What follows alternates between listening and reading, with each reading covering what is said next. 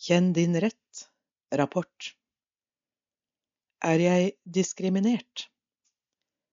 En rapport om syns- og hørselshemmedes erfaringer med diskriminering og muligheten til å klage.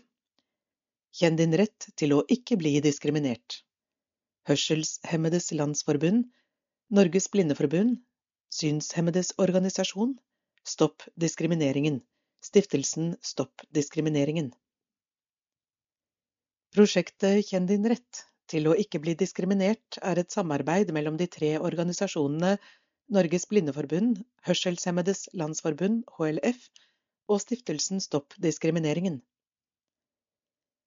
En styringsgruppe med representanter fra de tre organisasjonene sto bak ideen til prosjektet, bidro til å organisere fremdriften og med veiledning i spørsmål om diskriminering og klagesaker.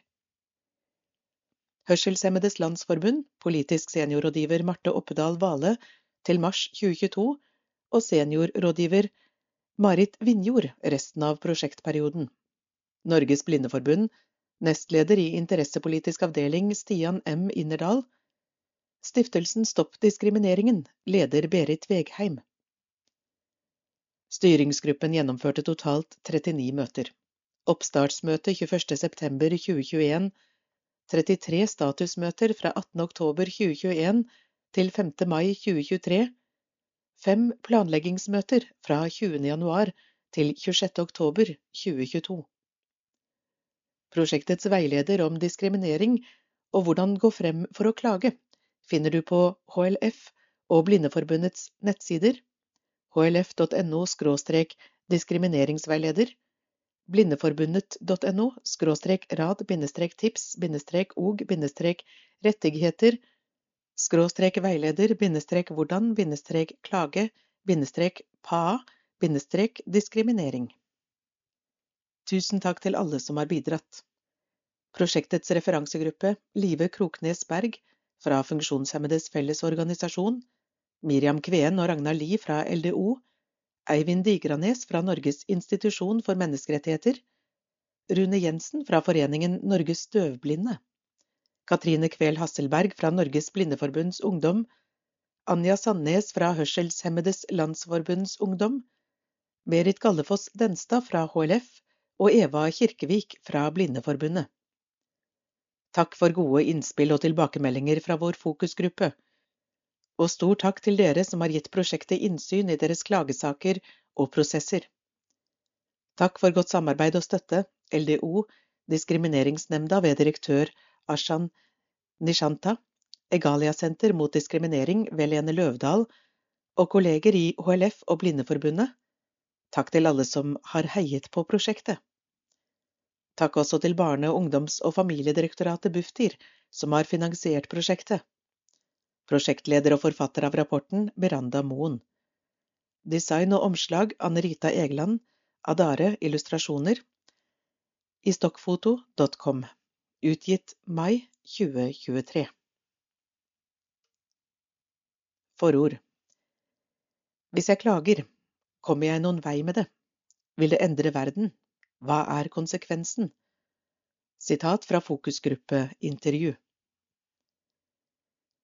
FN-konvensjonen om rettighetene til mennesker med nedsatt funksjonsevne pålegger staten et stort ansvar rundt bevisstgjøring av funksjonshemmedes menneskerettigheter, CRPD artikkel 8.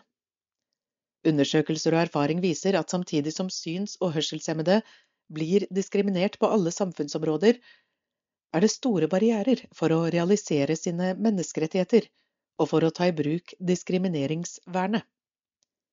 I Norge er det Diskrimineringsnemnda og Likestillings- og diskrimineringsombudet, LDO, som utgjør håndhevingsapparatet for likestillings- og diskrimineringsloven, som et lavterskeltilbud til innbyggere som har opplevd diskriminering. I 2018 ble en reform av håndhevingsapparatet iverksatt. Fem år etter stiller flere spørsmål ved om lavterskeltilbudet fungerer for folk som opplever diskriminering. Derfor er det viktig å bygge kultur, kunnskap og forståelse i organisasjonene og blant funksjonshemmede om diskriminering.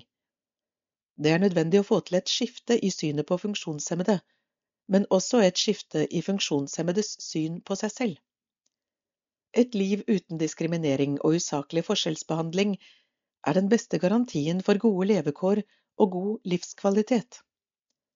Staten har hovedansvaret for å gi innbyggere informasjon om våre menneskerettigheter og hvordan man kan innfri dem. Vi håper derfor at beslutningstakere, fagfolk, berørte av diskriminering og alle som vil bidra til å bekjempe diskriminering, vil få nytte og glede av å lese denne rapporten. Samtidig vil funksjonshemmedes organisasjoner bidra til å arbeide for å spre informasjon og bistå den enkelte som blir diskriminert. Derfor har Hørselshemmedes Landsforbund, Stopp diskrimineringen og Norges Blindeforbund tatt initiativ til dette viktige prosjektet. Kjenn din rett til å ikke bli diskriminert. Med hilsen Norges Blindeforbund, Stiftelsen Stopp diskrimineringen, Hørselshemmedes Landsforbund. Sammendrag av rapportens funn og anbefalinger Hovedfunn i rapporten 1. Mangel på informasjon og kunnskap er en barriere som hindrer syns- og hørselshemmede i å klage. Manglende kunnskap om diskriminering og klagesystemet tilsier at det er behov for bedre informasjon om rettigheter og diskriminering til syns- og hørselshemmede. 2.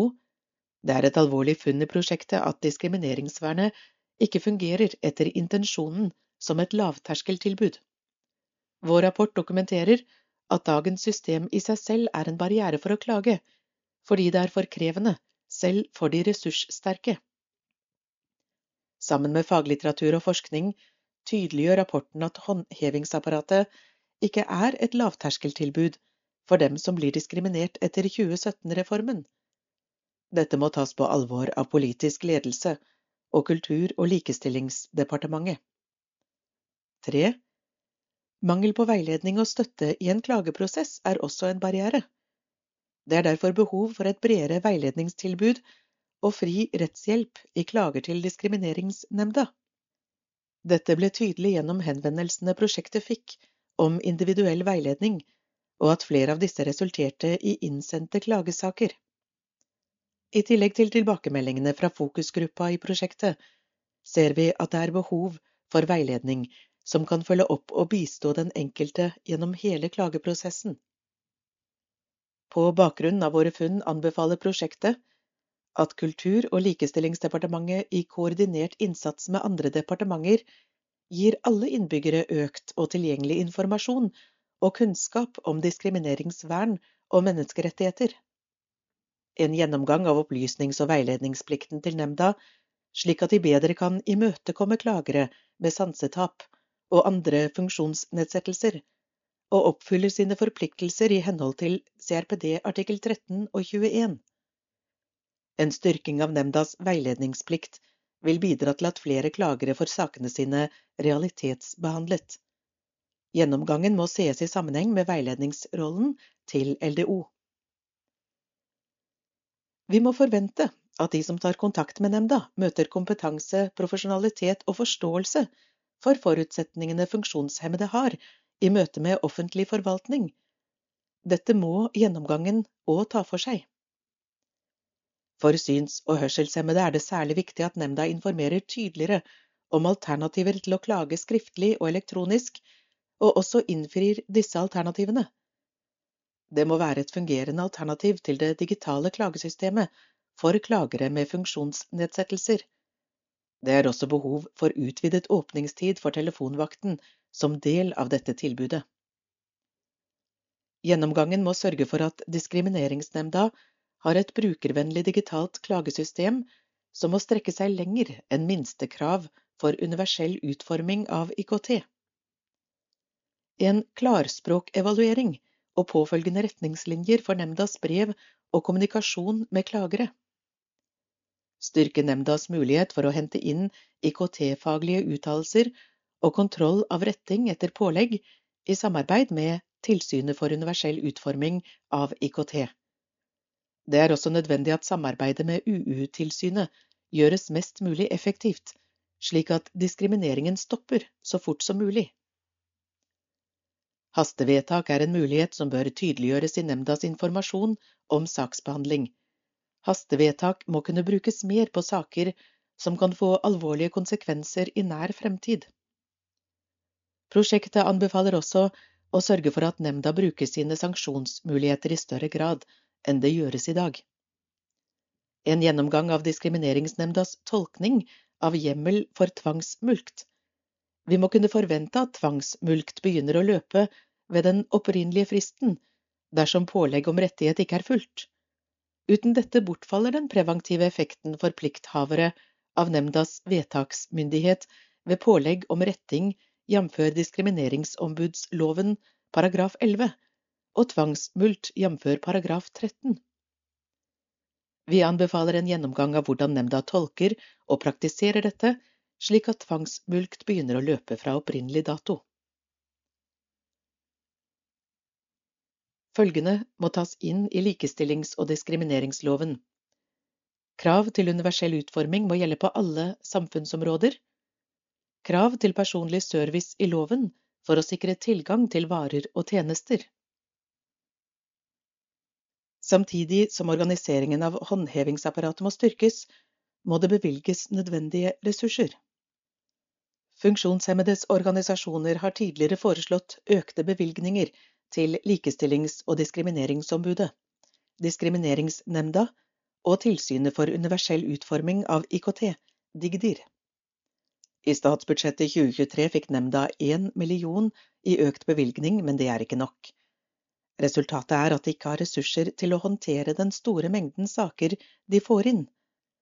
Det er ikke akseptabelt overfor utsatte av diskriminering at nemnda har lang saksbehandlingstid, ikke overholder egne frister for tilsvar, retting og tvangsmulkt, og at klagere overlates til selv å måtte følge opp prosessen.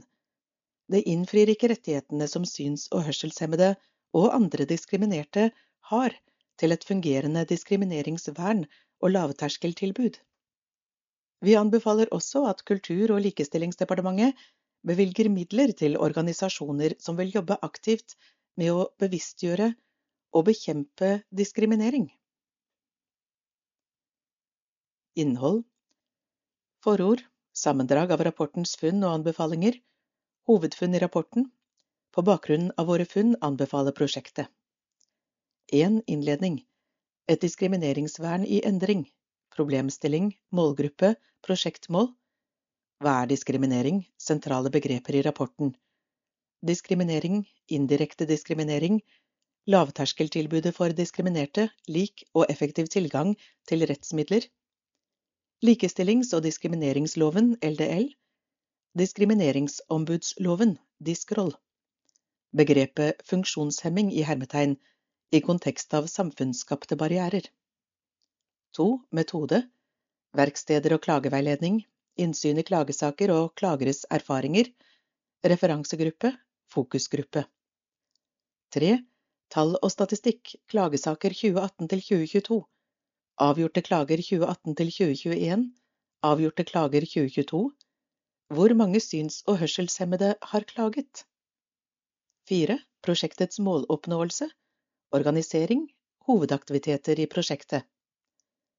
5. Klagesaker og veiledning, foreløpige resultater og vedtak i klagene. 6. Hva er barrierer for å klage, og hva skal til for å endre dette? Fokusgruppens erfaring med diskriminering og klage. Kunnskap om diskriminering. Å klage er for krevende. Behov for veiledning, støtte og samhold hva skal til for at flere klager? Oppsummering 7. Systematiske barrierer Bakgrunn Endringer i håndhevingsapparatet Nemndas opplysnings- og veiledningsplikt LDOs tilbud om veiledning i diskrimineringssaker. Universell utforming av nemndas digitale klagesystemer. Håndheving av tvangsmulkt og hastevedtak. Innhenting av IKT-faglige uttalelser og samhandling med UU-tilsynet Diskrimineringsnemndas sanksjonsmuligheter, likestillings- og diskrimineringsloven, barrierer i samfunnet, forslag til endringer, politisk ledelse og lovgivende myndigheter. 8. Avslutning Sentrale funn i rapporten. Ni kilder. Kommentar. Disse leses ikke inn, men man kan få tak i kildene ved å ta kontakt med KAB. Kommentar slutt. 1. Innledning Det er godt dokumentert at fordommene mot syns- og hørselshemmede er utbredt, noe som øker risikoen for diskriminering, utenforskap og psykisk uhelse. Fafo 2010, NKVTS 2020, Nordhus og Årø 2021. Studier viser også at arbeidsgivere har lave forventninger til at synshemmede kan være produktive på jobb og beherske samme oppgaver som andre. MMI 2006, Norse 2022, Norsk regnesentral 2022. Samtidig fant en undersøkelse om holdninger til diskriminering at befolkningen tror syns- og hørselshemmede i liten grad blir diskriminert, Fafo 2019. Også samfunnsskapte informasjons- og kommunikasjonsbarrierer i form av manglende universell utforming og tilrettelegging begrenser muligheten for å delta aktivt i arbeidsliv og samfunnsliv, og begrenser ytringsfriheten til syns- og hørselshemmede, NIM 2022, Ytringsfrihetskommisjonen 2022. Samtidig har syns- og hørselshemmede et diskrimineringsvern mot disse barrierene gjennom lovverket, LDL, Diskrol samt menneskerettslige forpliktelser i FN-konvensjonen om rettighetene til mennesker med nedsatt funksjonsevne, CRPD. På tross av dette opplever organisasjonene bak prosjektet Kjenn din rett at en stor andel syns- og hørselshemmede vegrer seg for å klage på diskriminering. Tidligere kjente grunner er annet frykt for represalier og gjengjeldelse, spesielt i arbeidslivet eller andre små miljø med en travel hverdag, mangel på informasjon, et komplekst og uforståelig lovverk, er det mange grunner til at man ikke makter å stå i det. Et diskrimineringsvern i endring I 2018 ble en omfattende reform av diskrimineringslovgivningen og håndhevingsapparatet iverksatt. De fire diskrimineringslovene ble sammenslått, og Diskrimineringsnemnda ble hovedklageinstans med Likestillings- og diskrimineringsombudet, LDO, som pådriver og veileder. Selv om noe av tanken bak var at et eninstanssystem skulle klargjøre mandatet og gjøre tilbudet bedre for diskriminerte, erfarte organisasjonene bak prosjektet at klagere i større grad ble overlatt til seg selv i sakene sine. Statistikken viser også at hovedvekten av klagesaker ikke blir realitetsbehandlet, fordi de blir henlagt, avsluttet uten avgjørelse eller avvist. Se Tall og statistikk kapittel 3. I løpet av prosjektperioden høsten 2021 til våren 2023 fikk Diskrimineringsnemnda en dobling av klagesaker, og øverst i klagestatistikken er mennesker med funksjonsnedsettelse, DN 30.11.2022. I 2021 og videre i 2022 kom også en tidobling av saker som gjaldt universell utforming av IKT, DIN 25.1.2022. I 2022 og igjen i starten av 2023 varsler Diskrimineringsnemnda at saksbehandlingstiden øker. Noe av grunnen var den økte mengden klager og manglende ressurser til å håndtere dette, DN 28.2.2023. Personer som klager, rapporterer samtidig om misnøye med systemet. Dette gjelder særlig tidsbruken, men også hvordan brudd på loven blir fulgt opp. For eksempel digitale læremidler, hvor det tok lang tid å få vedtak, og brudd som ble dokumentert i vedtakene, ble ikke rettet tilstrekkelig. Foreldre til blinde barn 2022. Som pådriver har også LDO fulgt med på utviklingen. I desember 2022 sendte de et brev til Kultur- og likestillingsdepartementet med anbefaling om en gjennomgang av lavterskeltilbudet.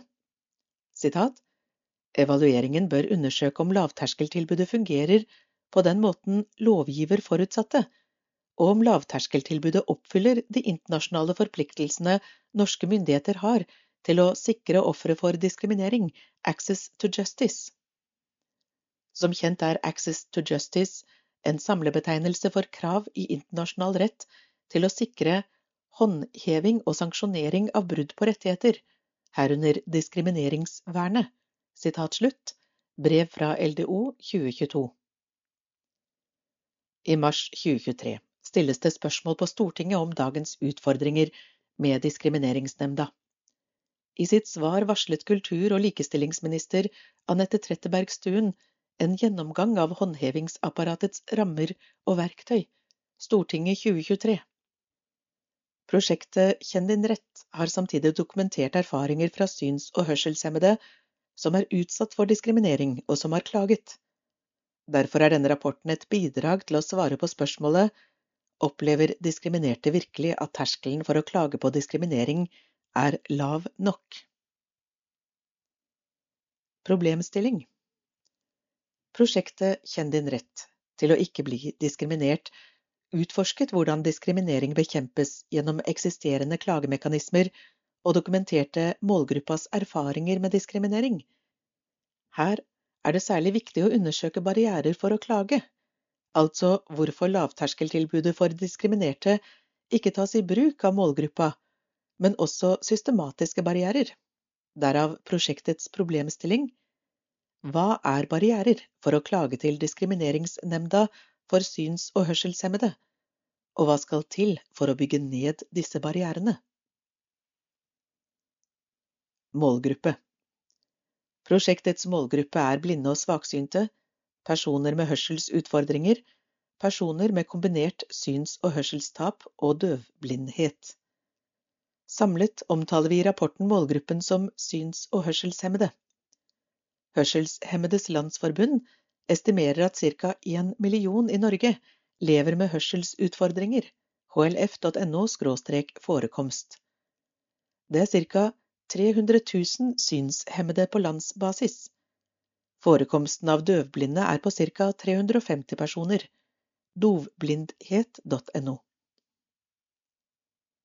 Prosjektmål Styrket diskrimineringsvern for syns- og hørselshemmede, bl.a. gjennom økt kunnskap om CRPD som likestillingsverktøy for å redusere informasjons- og kommunikasjonsbarrierer.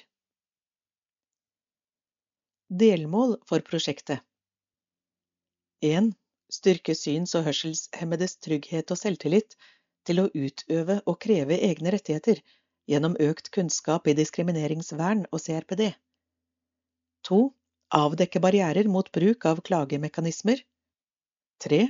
Utvikle og tilby rettsinformasjon som er universelt utformet, herunder sikre likestilt tilgang til innholdet og utvikle et universelt utformet system for dokumentasjon av klagesaker og opplevd diskriminering. 4. Få syns- og hørselshemmede til å sende inn klagesaker til Diskrimineringsnemnda. 5. Gi anbefalinger til storting og regjering om hvordan diskrimineringsvernet av personer med funksjonsnedsettelse kan styrkes.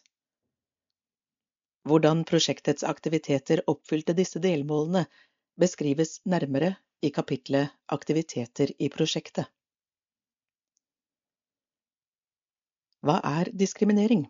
Sentrale begreper i rapporten. Diskriminering Gjennom prosjektet har hensikten vært å spre kunnskap om hva diskriminering av syns- og hørselshemmede betyr, ifølge loven. Selv om begrepet diskriminering er mye brukt i dagligtalen, er det mindre kjent hva loven definerer som diskriminering. Diskriminering defineres kort som usaklig forskjellsbehandling. Likestillings- og diskrimineringsloven krever verken formål eller hensikt. Med andre ord må ikke diskrimineringen ha skjedd på grunn av vond vilje. Loven fokuserer på hva som faktisk har skjedd. Det kan skje i møte med offentlige og private virksomheter, myndigheter, institusjoner, tjenesteapparat, arbeidsliv, lærested, barnehage og kultur- og organisasjonsliv. Diskriminering kan ta mange former, for eksempel ved at noen blir behandlet fordomsfullt og krenkende på grunn av en funksjonsnedsettelse, eller andre forhold ved en person, såkalt diskrimineringsgrunnlag. Diskriminering kan også skje ved at virksomheter ikke oppfyller plikten til universell utforming eller individuell tilrettelegging. Du kan lese mer i vår veileder på sidene til Blindeforbundet og Hørselshemmedes Landsforbund blindeforbundet.no veileder hvordan klage på diskriminering hva er diskriminering på stavet med to a-er og bindestrek mellom hvert ord, og hlf.no skråstrek diskrimineringsveileder. Indirekte diskriminering Sitat Med indirekte forskjellsbehandling menes enhver tilsynelatende nøytral bestemmelse, betingelse, praksis, handling eller unnlatelse som vil stille personer dårligere enn andre. LDL paragraf 8. Indirekte diskriminering er med andre ord når like handlinger, praksis eller regler for alle likevel fører til forskjellsbehandling for noen. For eksempel hvis alle må bruke et elektronisk skjema for å melde seg på et arrangement, mens det ikke er mulig for synshemmede. Eller at alle må ringe for å forhåndsbestille time hos legevakten, og det er ikke mulig for hørselshemmede. EU-kommisjonen har nylig publisert en gjennomgang om indirekte diskriminering for dem som ønsker å lese mer. Tobler 2022. Lavterskeltilbudet for diskriminerte lik og effektiv tilgang til rettsmidler. Det stilles krav til lik og effektiv tilgang til rettsmidler i både menneskerettslige konvensjoner, bl.a. CRPD artikkel 13, SP og ØSK, og EU-rettslige direktiver. Både statens forpliktelser i menneskerettskonvensjonene og EU-EØS-rett stiller krav til å tilby innbyggerne effektiv håndheving og sanksjonering av individuelle rettigheter. I Norge er det Likestillings- og diskrimineringsombudet, LDO, og Diskrimineringsnemnda, nemnda i parentes, som realiserer denne retten som et lavterskelalternativ til domstolene. Hellemåstrand Strand 2022, side 43 44. Et lavterskeltilbud for diskriminerte innebærer med andre ord at man skal få rettslig vurdert sin sak om man mener seg diskriminert, uten å betale, bruke advokat eller selv ha juridisk kompetanse. LDO påpeker også at tilgangen til rettsmidler i diskrimineringssaker er en nødvendig forutsetning for å ha et reelt diskrimineringsvern og at det er viktig at lavterskeltilbudet vi har i Norge, sikrer denne rettighetstilgangen for individer som blir diskriminert, LDO 2022, side 1 og 2. Når vi videre i rapporten bruker begrepet lavterskeltilbud, er det derfor i betydning av om det innfrir lik og effektiv tilgang til rettsmidler etter Norges menneskerettslige og internasjonale forpliktelser.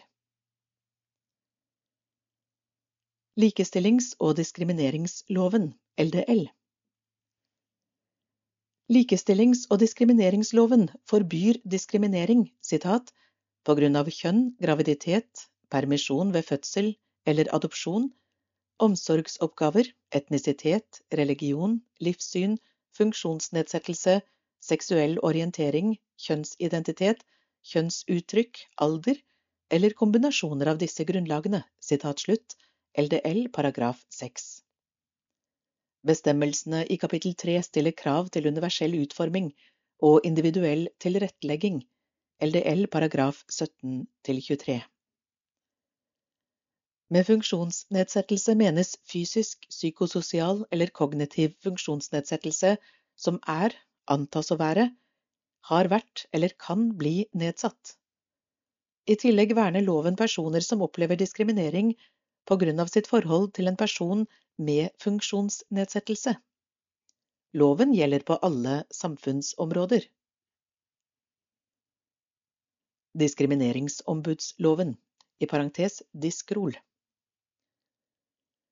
Lov om likestillings- og diskrimineringsombudet og Diskrimineringsnemnda, sitat, gir regler om organiseringen av og virksomheten til Likestillings- og diskrimineringsombudet eller ombudet i parentes, og Diskrimineringsnemnda, nemnda i parentes, sitat slutt, diskrol. Denne loven regulerer virksomheten og lovområdene ombudet og Diskrimineringsnemnda har ansvar for, herunder hvilke områder av lovverket nemnda kan håndheve, og hvilke sanksjonsmuligheter de har i saker med vedtak om lovbrudd. Begrepet funksjonshemming i parentes i kontekst av samfunnsskapte barrierer. Funksjonshemming i parentes bruker vi i betydningen av at samfunnet skaper avstand eller barrierer mellom et individs forutsetninger og omgivelsenes utforming eller krav til funksjon. Med funksjonshemming, synshemming og hørselshemming menes ikke en egenskap ved en person, men et forhold eller en situasjon som kan oppstå i individets møte med samfunnsskapte barrierer, som kan være både fysiske, teknologiske og relasjonelle. Syns- og hørselshemmede bruker vi som en fellesbetegnelse for målgruppen i prosjektet, også i kontekst av samfunnsskapte barrierer. Mer om begrepsbruk på ungefunksjonshemmede.no skråstrek om unge funksjonshemmede i ett ord. 2. Metode Verksteder og klageveiledning Prosjektet organiserte Verksted for klagesaker, som var en gruppeworkshop hvor deltakerne kunne ta opp eksempler på opplevd diskriminering. Med prosjektets veiledning kunne det utformes videre til en klage for de som ønsket. Nærmere beskrivelse av prosjektets verksted finner du i kapittel fire. Både verksteder og direkte veiledning ga prosjektet innblikk i barrierer for å klage, hva folk lurer på om diskriminering og har av utfordringer i sammenheng. I verkstedene praktiserte vi en trygg rom-regel. Deltakerinfo ble ikke delt utover prosjektet, og deltakerne måtte også respektere de andres behov for diskresjon, slik at man kunne spørre om alt man lurer på, og ikke være redd for å dele vanskelige erfaringer. Verkstedene ble derfor ikke tatt opp, men dokumentert med referat uten personopplysninger, slik at deltakerne fikk svar og veiledning i etterkant og for prosjektets egen dokumentasjon. Direkte henvendelser og veiledning ble loggført i et skjema for dokumentasjon og statistikk. Analyse av dette finner du i kapittel fem. Innsyn i klagesaker og klageres erfaringer. Vi fikk verdifullt innsyn i klagesaker og prosesser gjennom kontakt med enkeltpersoner vi veiledet, bistand til allerede innsendte klager og anmodning til nemnda om innsyn i en klage på Trondheim torg 2194. Vi hadde i tillegg dialog med fylkeslaget i Blindeforbundet, som hadde sendt klagen, LDO og ressurspersoner i denne klagen. Referansegruppe Vi baserer også funn i rapporten på tilbakemeldinger i referansegruppe i prosjektet. Her hadde vi to deltakere med egenerfart diskriminering hvorav én hadde klaget. Klagesaker vi støtter våre funn på, er referert til løpende med saksnummer i rapporten. Fokusgruppe For særlig å få innspill til prosjektets problemstilling gjennomførte vi en fokusgruppe med representanter for målgruppa i sluttfasen av prosjektet, januar 2023. Møtet var på to timer, med til sammen syv medlemmer fra HLF og Blindeforbundet. Av de syv personene møtte vi to med hørselsutfordringer, to med kombinert syns- og hørselstap, her var en representant fra HLF og en fra Blindeforbundet, samt en blind og en sterkt svaksynt. Det var også med en vara fra Blindeforbundet. Det var med andre ord variasjon i spekteret av syns- og hørselsnedsettelse, men også i alder, erfaring, kjønn og bosted. Møtet ble tatt opp og transkribert. For intervjuguide til møtet, se vedlegg 1. Funn basert på fokusgruppeintervjuet finner du i kapittel 6. Prosjektets styringsgruppe og prosjektleder hadde på tidspunktet for møtet samlet en del kunnskap og erfaringer rundt barrierer for å klage. Underveis i prosjektperioden fikk vi også løpende innspill fra målgruppa og fagmiljøet som bidrar til informasjon og funn i rapporten. Slik bidro fokusgruppa til å systematisere, bekrefte, men også nyansere de observasjoner og erfaringer vi gjorde oss i prosjektperioden. 3. Tall og statistikk Klagesaker 2018 til 2022 i tillegg til metodikken er også tall og statistikk fra nemnda viktig informasjon i prosjektet. I løpet av årene Diskrimineringsnemnda har fungert som klageinstans, har det også vært en stor økning av klagesaker. Nemnda hadde blant annet en informasjonskampanje for å gjøre seg kjent som nytt klageorgan etter 2017-reformen trådte i kraft. Her oppfordret de annet organisasjonene til å spre info til sine medlemmer, slik at flere klager, og informerte funksjonshemmede om mulighetene ved å klage. Kvistum 2021. I løpet av prosjektet hentet vi først tall på avgjorte klager fra funksjonshemmede fra 2018 til 2021, og deretter for 2022. Vi ba nemnda direkte om tall ut 2021 i første omgang, for å oppdatere tall vi allerede hadde.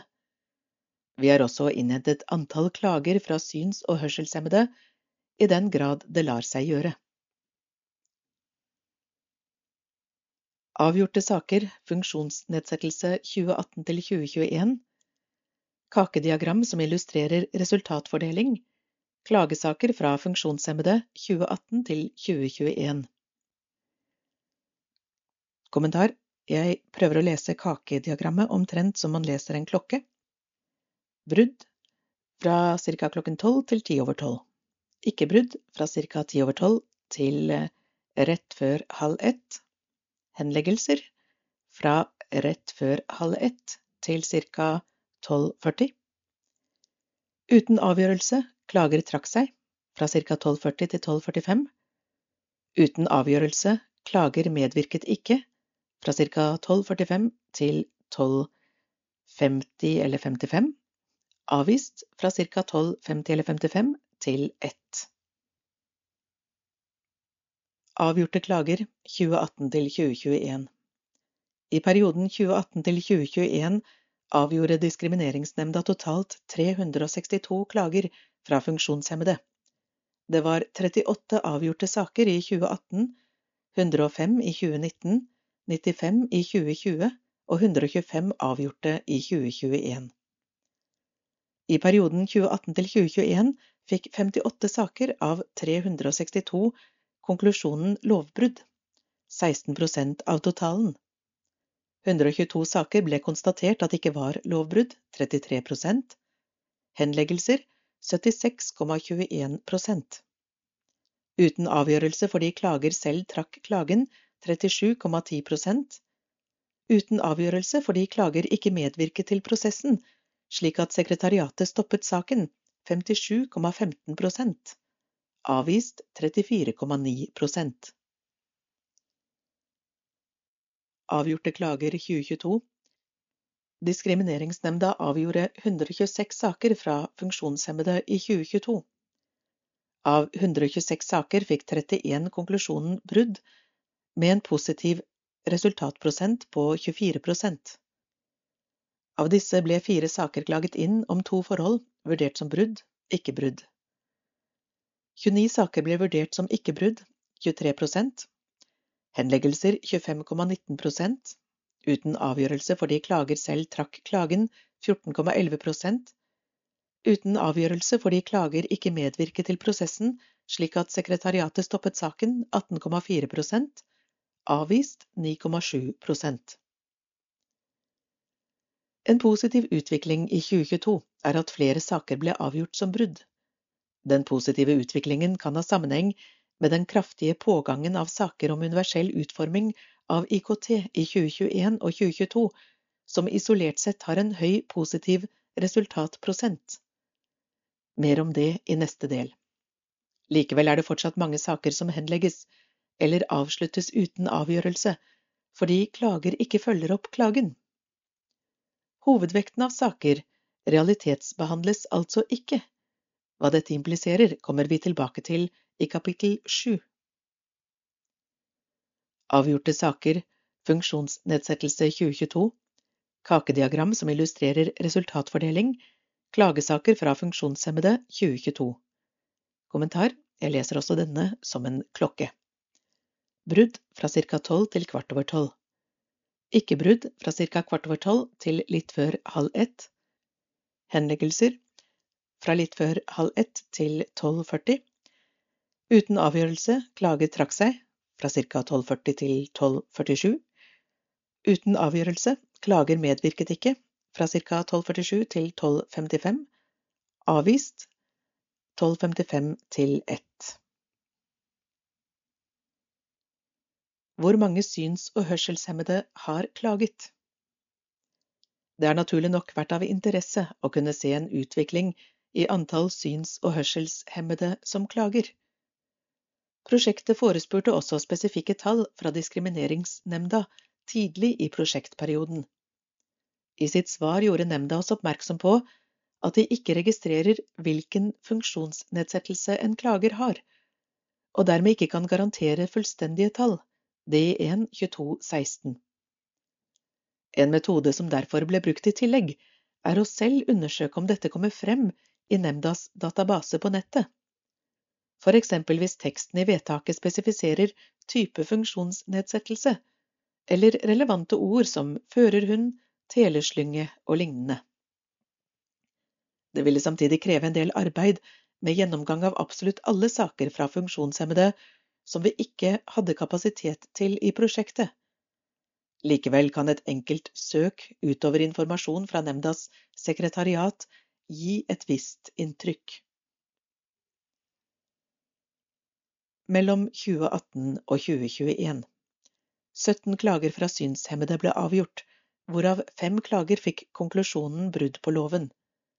Dette er ikke medregnet spesialgrunnlaget universell utforming av IKT.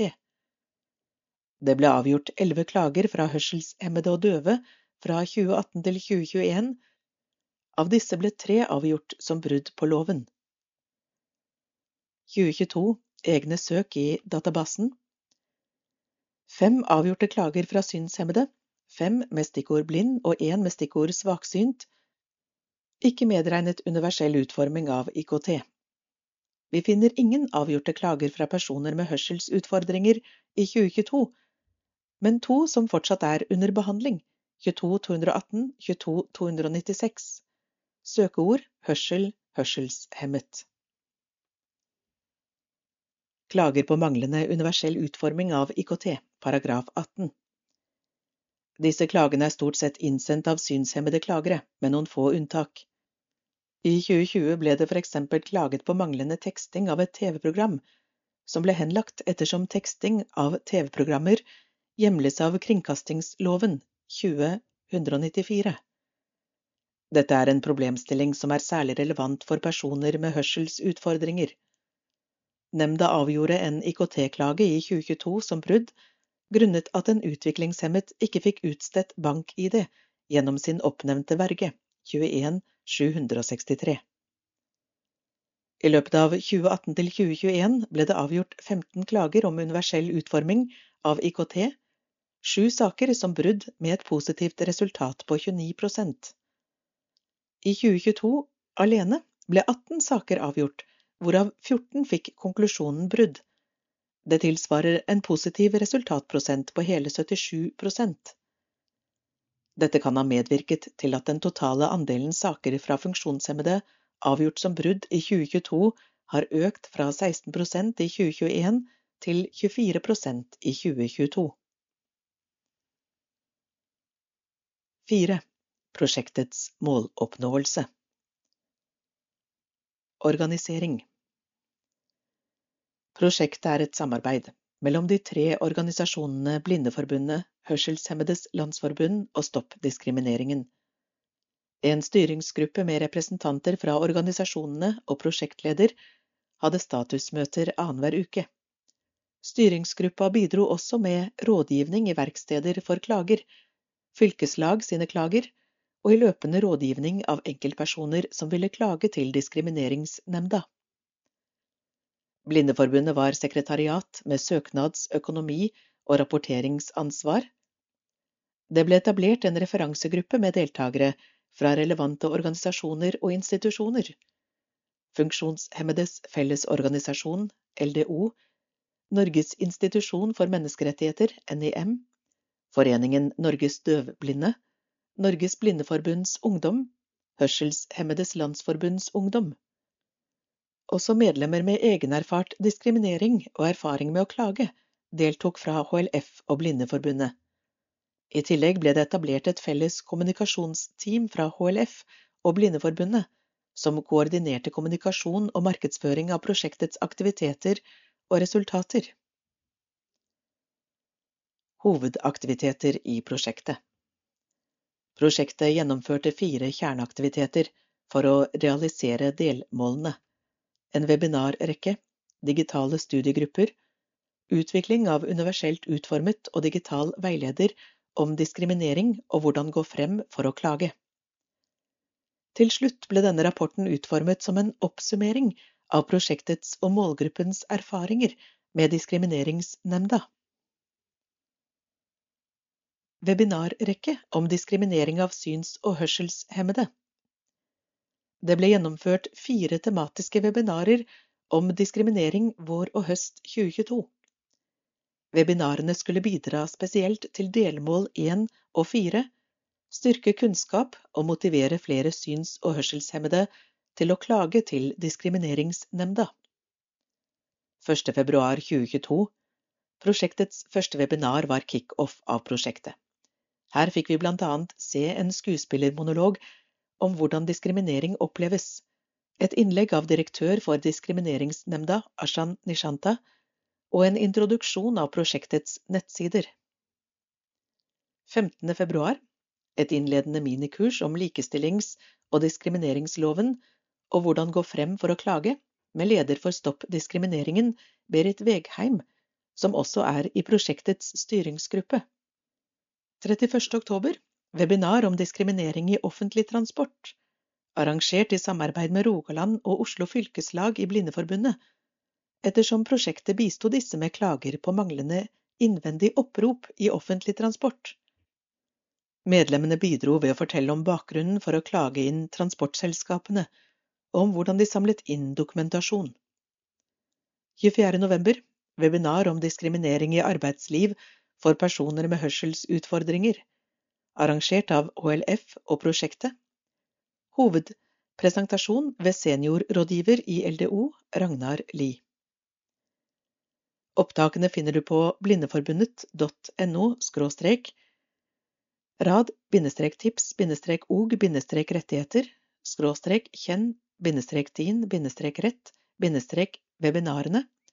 og på hlf.no kjenn din rett webinarer opptak. Verksted for klagesaker Verksted for klagesaker var en sentral aktivitet for å oppnå prosjektmålene, særlig delmål 1, 2 og 4.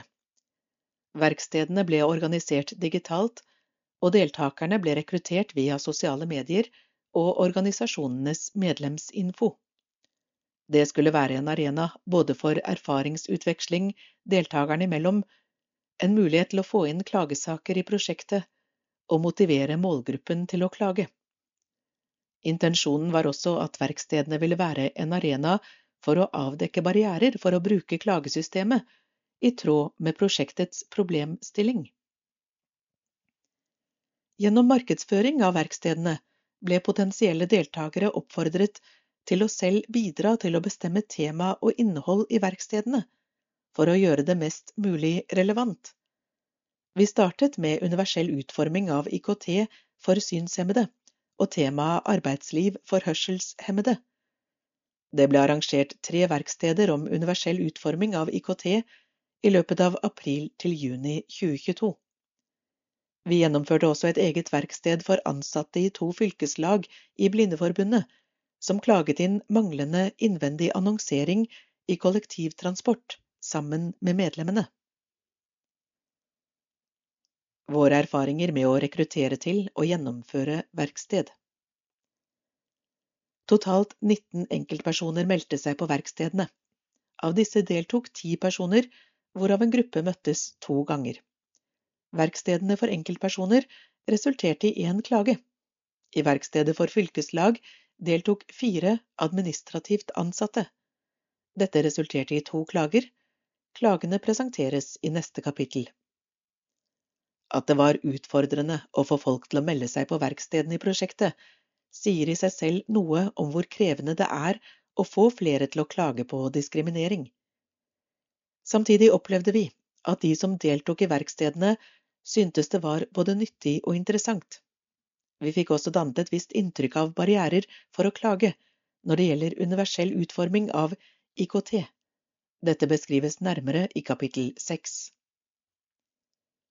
Med tanke på de blandede erfaringene vi gjorde oss med å skape oppslutning rundt verkstedene, holdt prosjektleder en rekke foredrag og presentasjoner for fylkeslag og andre i andre halvdel av 2022. Strategien da var å gå mer grunnleggende til verks gjennom å formidle ut mot målgruppen i mer kjente fora, i fylkeslag og lignende, også for å motivere og skape interesse om tematikken. I tillegg fikk enkeltpersoner som henvendte seg, veiledning og hjelp med sine saker. Dette og klager som resultat av verksteder er beskrevet nærmere i kapittel fem. Utvikle universelt utformet digital veileder om diskriminering og hvordan klage. Et sentralt delmål i prosjektet er å utvikle og tilby universelt utformet rettsinformasjon, herunder sikre likestilt tilgang til innholdet og utvikle et universelt utformet system for veiledning om klagesaker og opplevd diskriminering.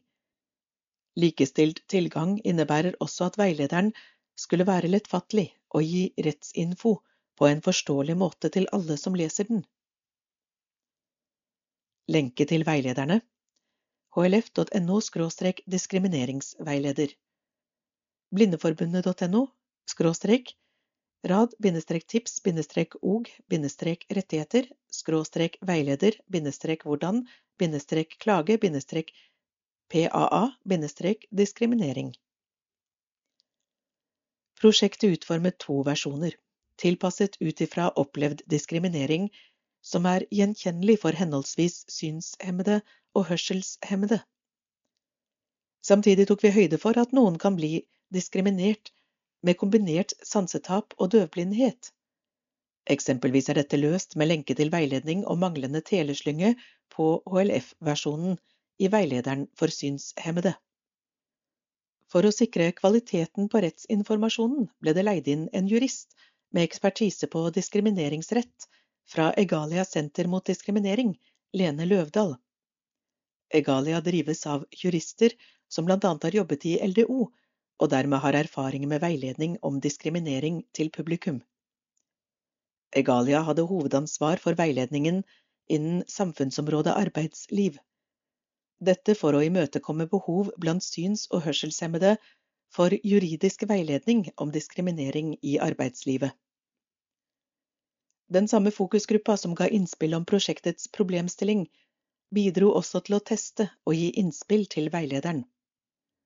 Veilederen ble lansert 17. april 2023 i et nettmøte og ble direktesendt på Radio Z, Blindeforbundet. Utarbeide fagrapport om barrierer for å klage og resultater av gjennomførte klagesaker. Denne rapporten bidrar til å realisere og dokumentere samtlige delmål i prosjektet. 5. Klagesaker og veiledning Her presenterer vi klagesaker prosjektet har bidratt til. Om individuell veiledning i prosjektet I tillegg til verkstedene, beskrevet i kapittel 4, tilbød prosjektet også løpende veiledning til enkeltpersoner det kunne være generelle spørsmål om diskriminering, bistand med en klage eller bistand til tilsvarsprosessen for noen som allerede hadde sendt en klage. Det varierte hvor tett oppfølging folk ønsket. Noen fikk kommentarer og forslag til tekst på e-post, andre fikk mer oppfølging i form av møter eller direkte skrivearbeid. Henvendelser ble dokumentert i et skjema hvor type sak, om det var en aktuell sak å klage inn, Videre oppfølging og resultat ble registrert. Resultatet er 41 registrerte henvendelser. Av disse vurderte vi 21 saker som aktuelle å klage inn for Diskrimineringsnemnda, basert på informasjonen vi fikk. Av de ble fem saker klaget inn, én var allerede klaget inn. Henvendelser etter funksjonsnedsettelse, synshemming, 18 stykk, Hørselsutfordringer 17 stykk, 1 døv. Kombinert sansetap og døvblindhet fem henvendelser fra tre personer. Vi sendte tre personer som henvendte seg videre til LDOs veiledningstjeneste, da sakene gjaldt områder de har spisskompetanse på. I en sak samarbeidet vi med LDO om å gi veiledning. Tre henvendelser kunne være lovbrudd, men var større forhold uegnet for lavterskelapparatet, eller forhold som skjedde for langt tilbake i tid. Vi vurderte at de utsatte derfor ville ha behov for advokatbistand, eller at klagen ville bli avvist, da citat, nemnda kan avvise en sak hvis saksforholdet ligger mer enn tre år tilbake i tid, citat slutt, jf. Diskroll paragraf 10. Foreløpige resultater og vedtak i klagene. Totalt har prosjektet bidratt til ni innsendte klagesaker. Lenke til alle sakene gir liste over referanser. To av klagesakene er nå avgjort hvorav ett vedtak er publisert. Syv er fortsatt under behandling, og vi beskriver under hvor de er i prosessen. Seks saker fra synshemmede, hvorav tre er sendt fra fylkeslag på vegne av flere. To saker fra personer med kombinert sansetap skråstrek døvblindhet. En klagesak fra en person med hørselsutfordringer. Resultater fra verkstedene. En klage sendt fra en enkeltperson to klager fra fylkeslag på vegne av sine medlemmer. Klagesak 23 er sendt inn av Prosjektet for Norges Blindeforbund. Som resultat av et samarbeid med LDO, opprinnelig fylkeslag og tidligere involvert arkitekt, for å få klage 2194 om Trondheim torg behandlet på nytt. 2287 Spenst Norge AS nektet inngang grunnet førerhund og hadde utilgjengelige treningsapparater. Avgjort. Innsendt 2.2.2022. Avgjort 14.2.2023. Tolv måneders behandlingstid. Resultat to klagepunkter. Nekt av førerhund og tilgang til treningssenter. Brudd. Utilgjengelige treningsapparater. Ikke brudd. I denne saken er vedtak offentliggjort. Klager som er døvblind, hadde fått bistand fra LDO i forkant av innsending, og hadde kontakt med prosjektet etter dette.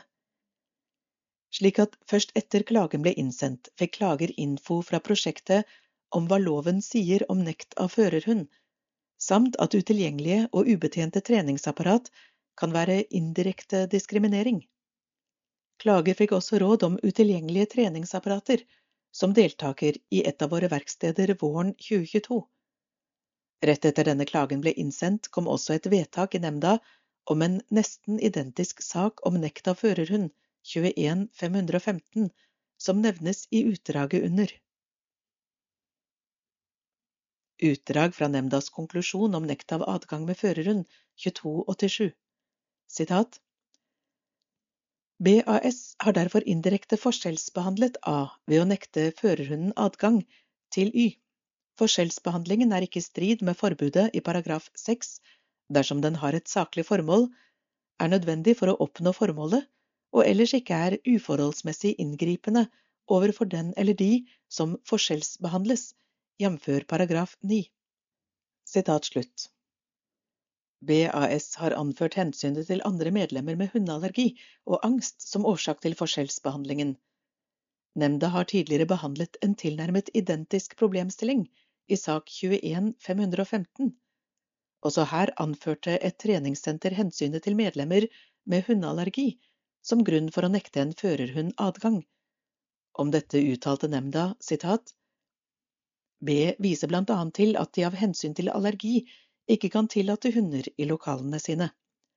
Selv om hensynet til allergikere i utgangspunktet kan være et saklig formål, er nemndas vurdering at dette ikke kan gjelde på bekostning av rettighetene til personer med synshemming. I alle tilfeller vil det neppe være nødvendig å nekte hunden adgang til enhver del av senteret for å skåne eventuelle allergikere, og en utestenging av førerhunden på dette grunnlag vil uansett være uforholdsmessig inngripende overfor A. Hun vil da ikke lenger kunne trene ved senteret, fordi førerhunden ikke kan ledsage henne til og fra. Sitat slutt. Nemnda tiltrer denne vurderingen, og er derfor av den oppfatning at vilkårene for lovlig forskjellsbehandling heller ikke er oppfylt i denne saken. Nemndas konklusjon er at BAS har diskriminert A på grunn av funksjonsnedsettelse ved at hun ikke fikk ha med førerhunden på Y. Hun fikk dermed heller ikke mulighet til å delta på Aktiv på dagtid. Som tidligere nevnt ble klager gjort oppmerksom av prosjektet på at utilgjengelige treningsapparater kan være en form for indirekte diskriminering først etter klagen var sendt. Klager hadde derfor ikke lagt ved bevis eller dokumentasjon til dette punktet. Det var også formulert som et tilleggsargument i klagen. Videre utdrag fra vedtaket 2287, konklusjon om utilgjengelige treningsapparater, sitat Nemnda må ta stilling til om utvalget av treningsapparater på X innebærer at A stilles dårligere enn andre medlemmer av funksjonsnedsettelsen sin, jf. paragraf 8. Sitat slutt. Slik nemnda oppfatter BAS, er det et variert utvalg av ulike apparater på X som er både digitale og analoge. Problemet til A er primært at X er et ubemannet treningssenter, og at hun derfor ikke kan spørre ansatte om hjelp til å finne frem til de treningsapparatene som hun kan bruke med sine funksjonsnedsettelser. Nemnda behandlet i sak LDN 23 2016 1 spørsmålet om NSB AS handlet i strid med forbudet mot diskriminering av funksjonsnedsettelse av husdyrallergi, ved at det kun var dyrefri sone i stillevognen på toget. Nemnda uttalte der sitat denne saken gjelder et kollektivt reisetilbud på en sterkt trafikkert strekning. Det er mange hensyn å ta, og NSB tilstreber å legge til rette for at reisende kan arbeide på toget. Nemnda legger imidlertid til grunn at det av diskriminerings- og tilgjengelighetsloven ikke kan utledes noen plikt til å legge forholdene til rette på en optimal måte for alle grupper med særlige behov. Det avgjørende må være om det foreligger gode og tilstrekkelige alternativer for reisende. Nemnda mener at A i foreliggende sak tilbys et godt og tilstrekkelig reisetilbud av NSB.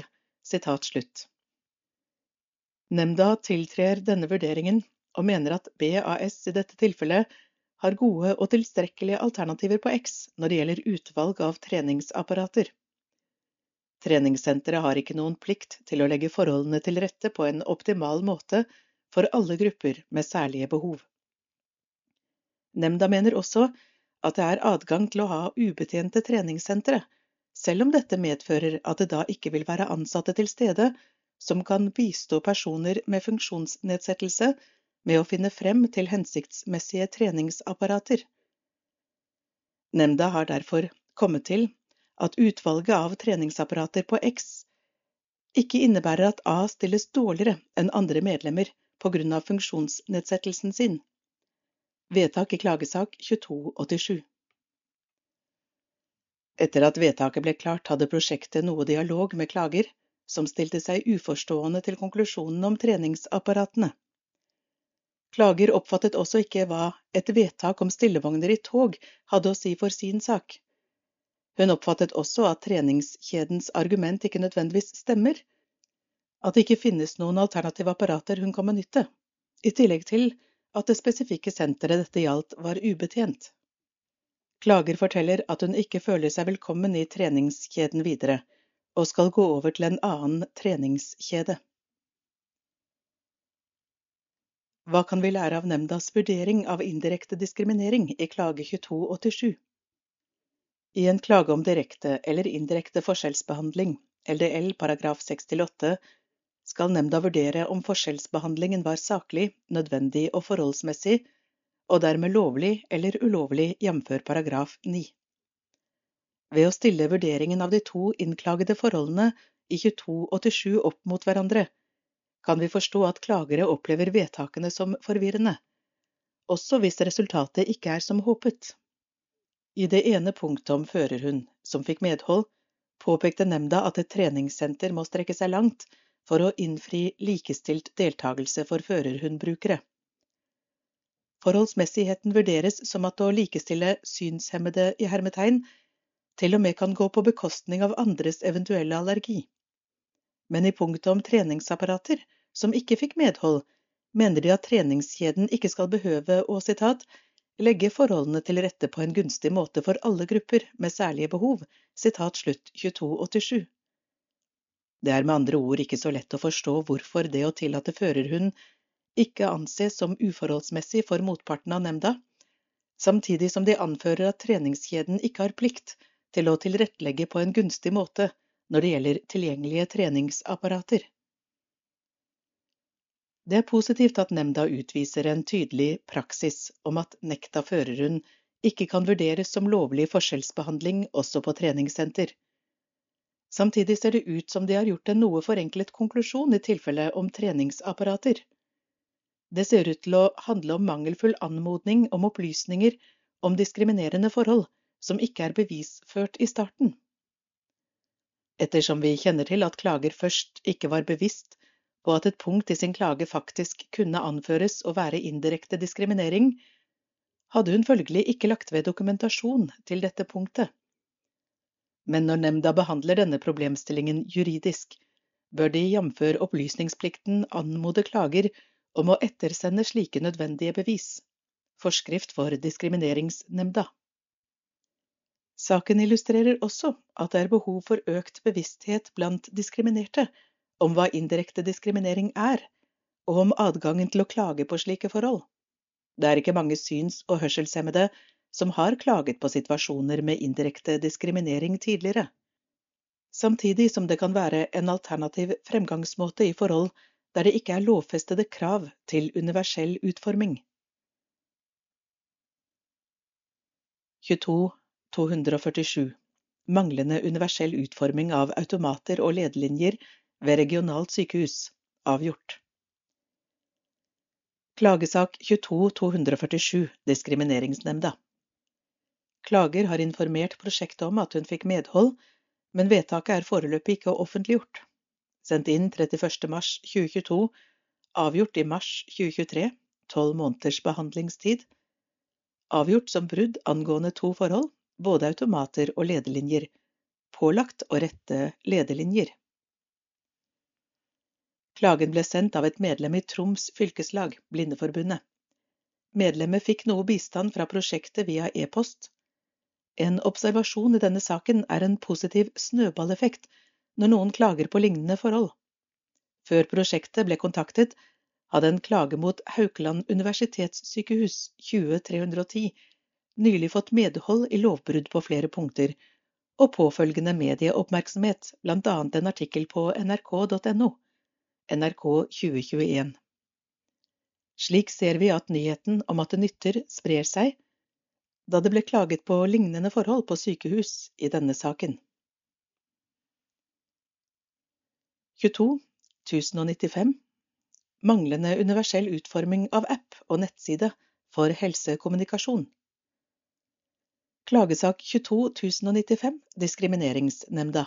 Sendt inn august 2022, fortsatt til behandling. Tilsvar er sendt fra begge parter i mars 2023, ca. åtte måneder etter klagen først ble sendt inn. Klage sendt etter deltakelse i prosjektets verksted.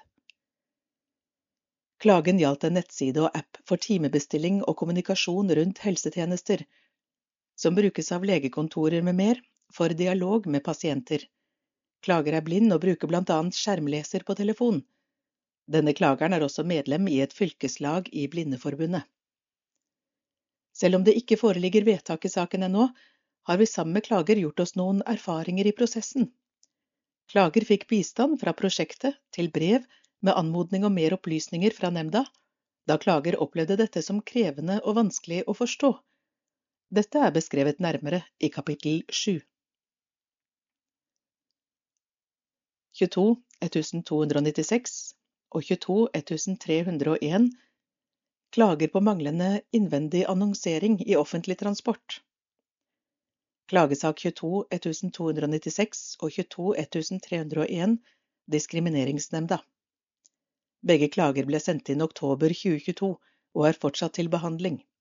Begge avventer tilsvar fra motparten ca. seks måneder etter innsendt klage. Fylkeslagene fikk samlet veiledning fra prosjektets rådgivere i egne verksted med fylkeslagene og gjennomgang av tekst via e-post. Arbeidet med disse klagene ble formidlet i webinar vi arrangerte om diskriminering i offentlig transport, når klagene var sendt inn.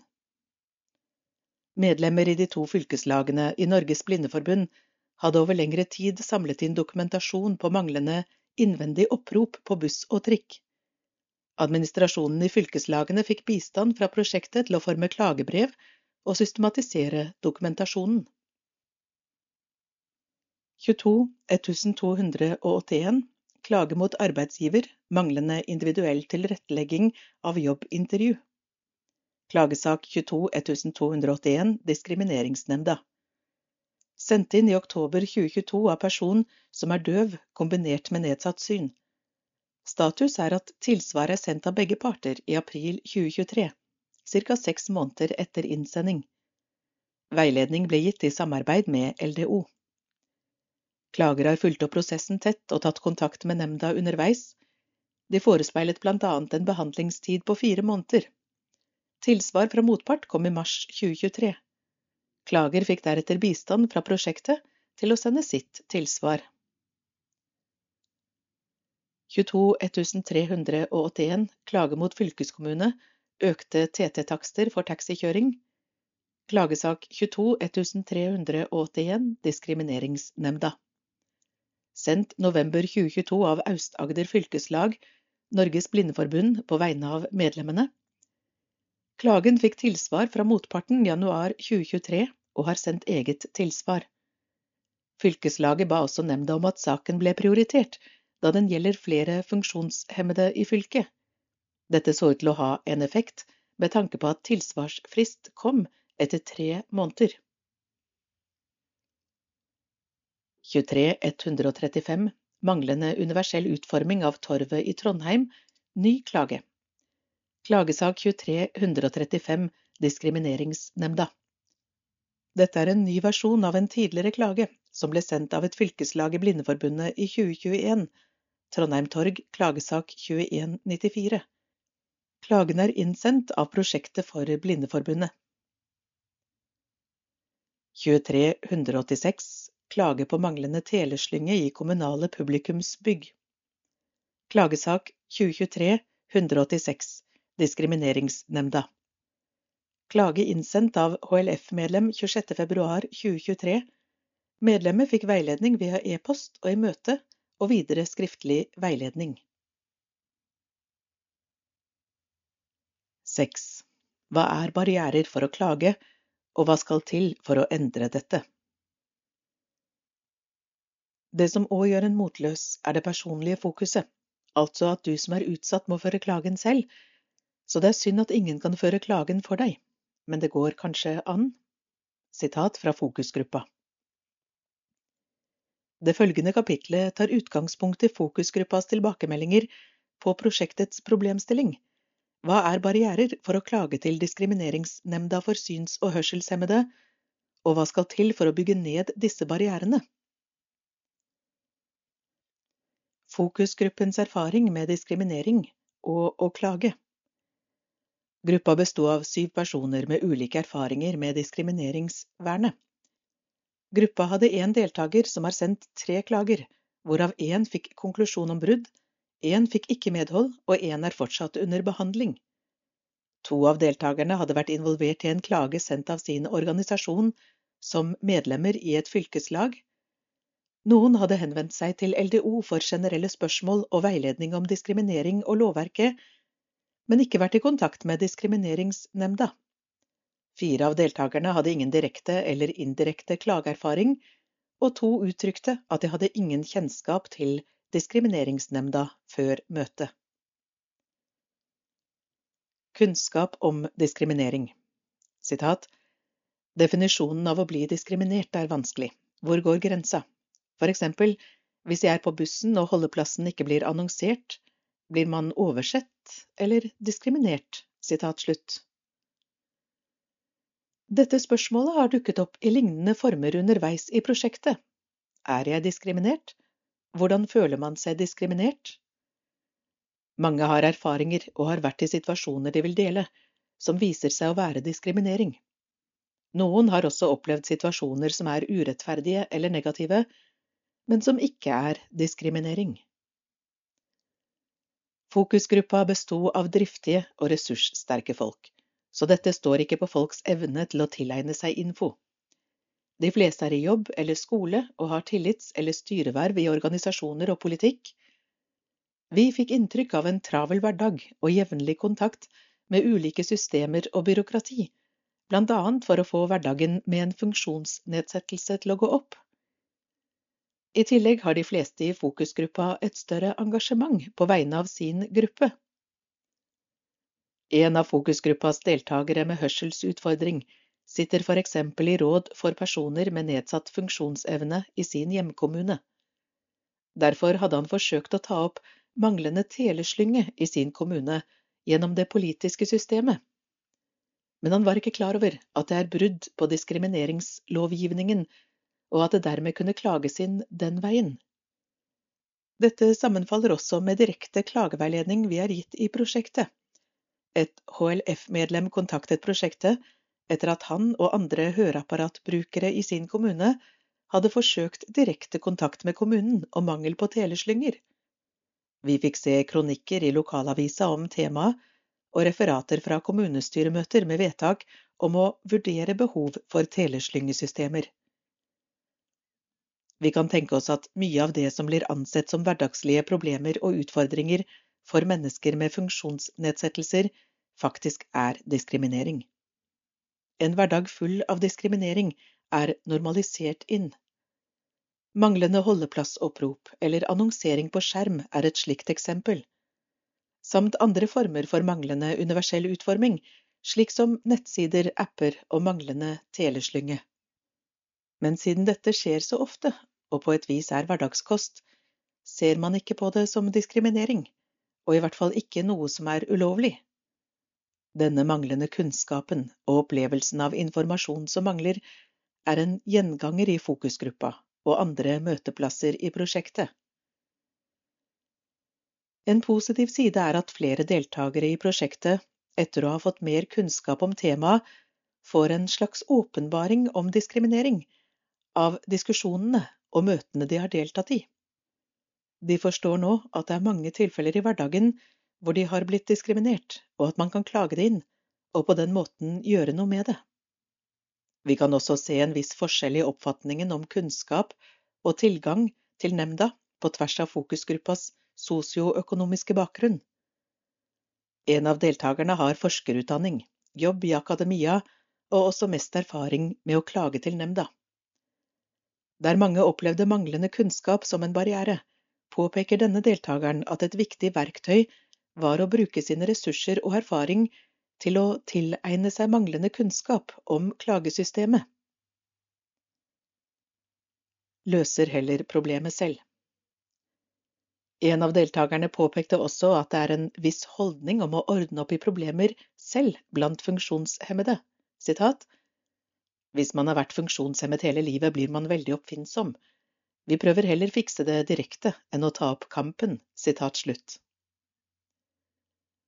Vi har også erfart og sett gjennom prosjektet at mange heller bruker mye tid og ressurser på å forsøke å si ifra og klage direkte til virksomheter som ikke følger pliktene sine i lovverket. Dette er fint å gjøre hvis det faktisk ordner seg.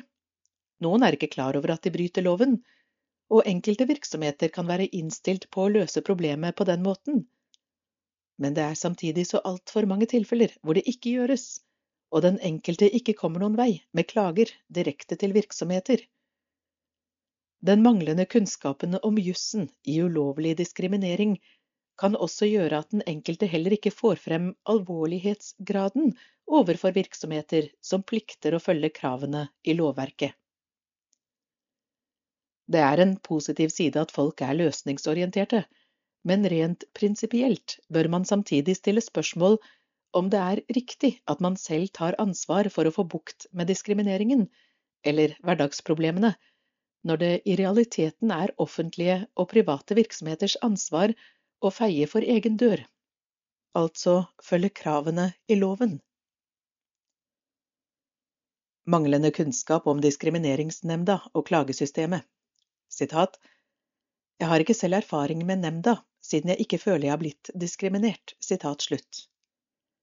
Dette sitatet peker på at manglende kunnskap om klagesystemet har en sammenheng med mangelen på kunnskap og bevissthet om at man har blitt diskriminert. Hvis man ikke har en egenforståelse av at man blir diskriminert, vil man heller ikke oppsøke informasjon om hvordan og hvor man kan gjøre noe med det. Sitat Jeg må innrømme jeg ikke kjente så godt til Diskrimineringsnemnda før dette møtet, sitat slutt, sier en annen deltaker i fokusgruppa. Selv om det kanskje var ment mest som en flau innrømmelse, er det verdt å trekke frem. For samtidig som man gjerne klager direkte til kommuner, statsforvalter og andre organer, er Diskrimineringsnemnda mer ukjent. De to sitatene er fra personer med hørselsutfordringer i fokusgruppa. I en undersøkelse som ble utført blant HLFs medlemsmasse i forbindelse med advokatfirmaet Nordhus og Årøs 2021 diskrimineringskartlegging for HLF, sa hele 98,4% av respondentene at de aldri hadde kontaktet Diskrimineringsnemnda. Det var også svært få som hadde kjennskap til Diskrimineringsnemnda, 20% Noen flere kjente til LDO, 50 ifølge diskrimineringskartleggingen. Svarene i fokusgruppa og erfaringene vi gjorde oss i prosjektet, sammenfaller svært godt med funnene i kartleggingen fra 2021.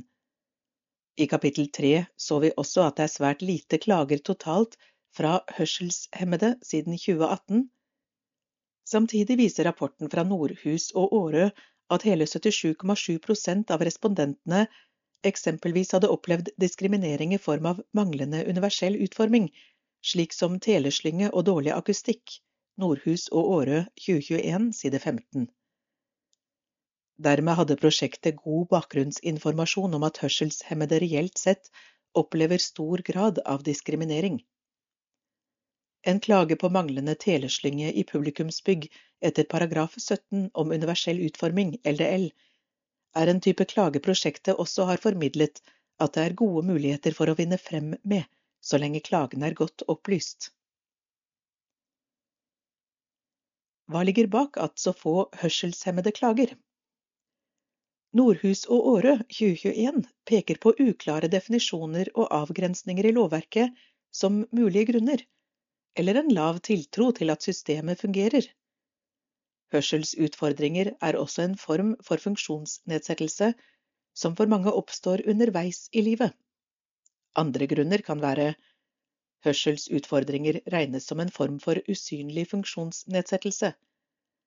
Da er det lettere å gjøre seg selv usynlig og ikke si ifra om det som mangler. Tilbakemeldinger i prosjektet tilsier at man lar problemer fare forbi, og det er lettere å gjemme seg bort i stedet for å si ifra. Bevisstgjøring om det å bli diskriminert. Er det diskriminering det utsettes for, eller må jeg bare finne meg i det?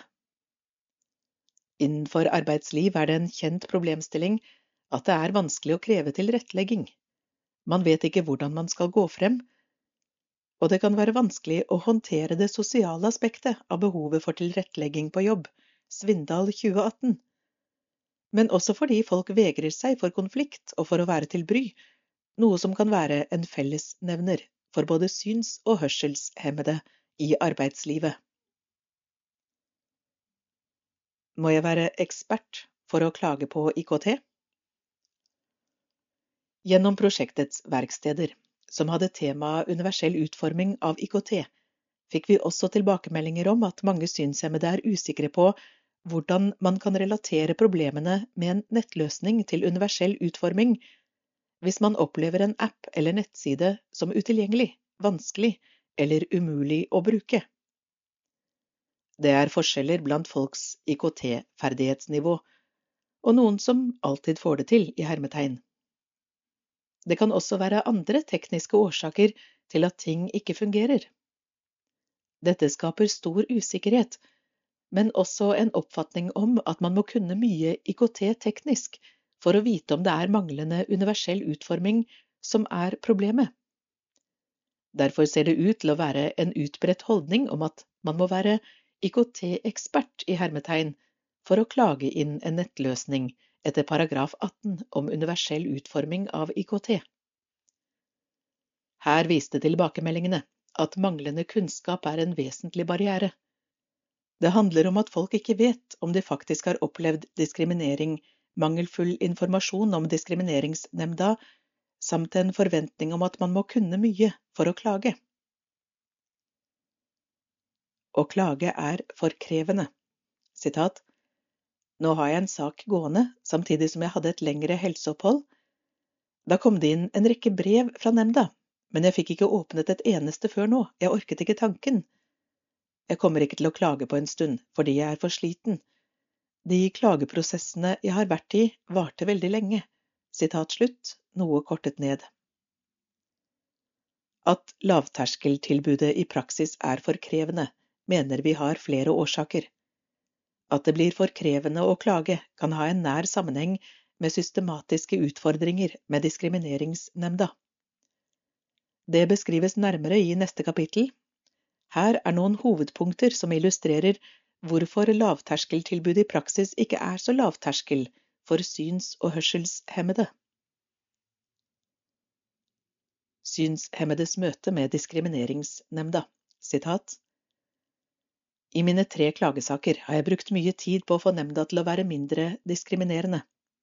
De henviser til elektronisk klageskjema. Jeg brukte en dag på å lære meg det skjemaet. Sakspapirer jeg fikk tilsendt, var også ikke universelt utformet, med kart og tabeller. Jeg brukte dagevis på dette. Det førte til slutt til at jeg krevde å snakke med direktøren. Hvis han ikke ringte meg tilbake, klager jeg nemnda inn for nemnda, eventuelt domstolene. Da ringte han tilbake, og en del ting ble ordna. Dette har tatt mye tid for meg. Sitat slutt. Dette sitatet tyder på at klagesystemet i seg selv er en barriere for synshemmede klagere. Sitatet handler delvis om at klager som er synshemmet, ikke får universelt utformet eller tilgjengeliggjort kommunikasjon i klagesaken sin. Dette innfrir for det første ikke retten til å få innvilget tilgjengelige kommunikasjonsformer i møte med det offentlige, jf. CRPD artikkel 21 b. Den samme personen har også opplevd svært problematiske holdninger fra sekretariatet. Både ved forsøk på å ringe inn tilsvarsbrev via diktat, eller for å be om brev og dokumenter i et tilgjengelig format.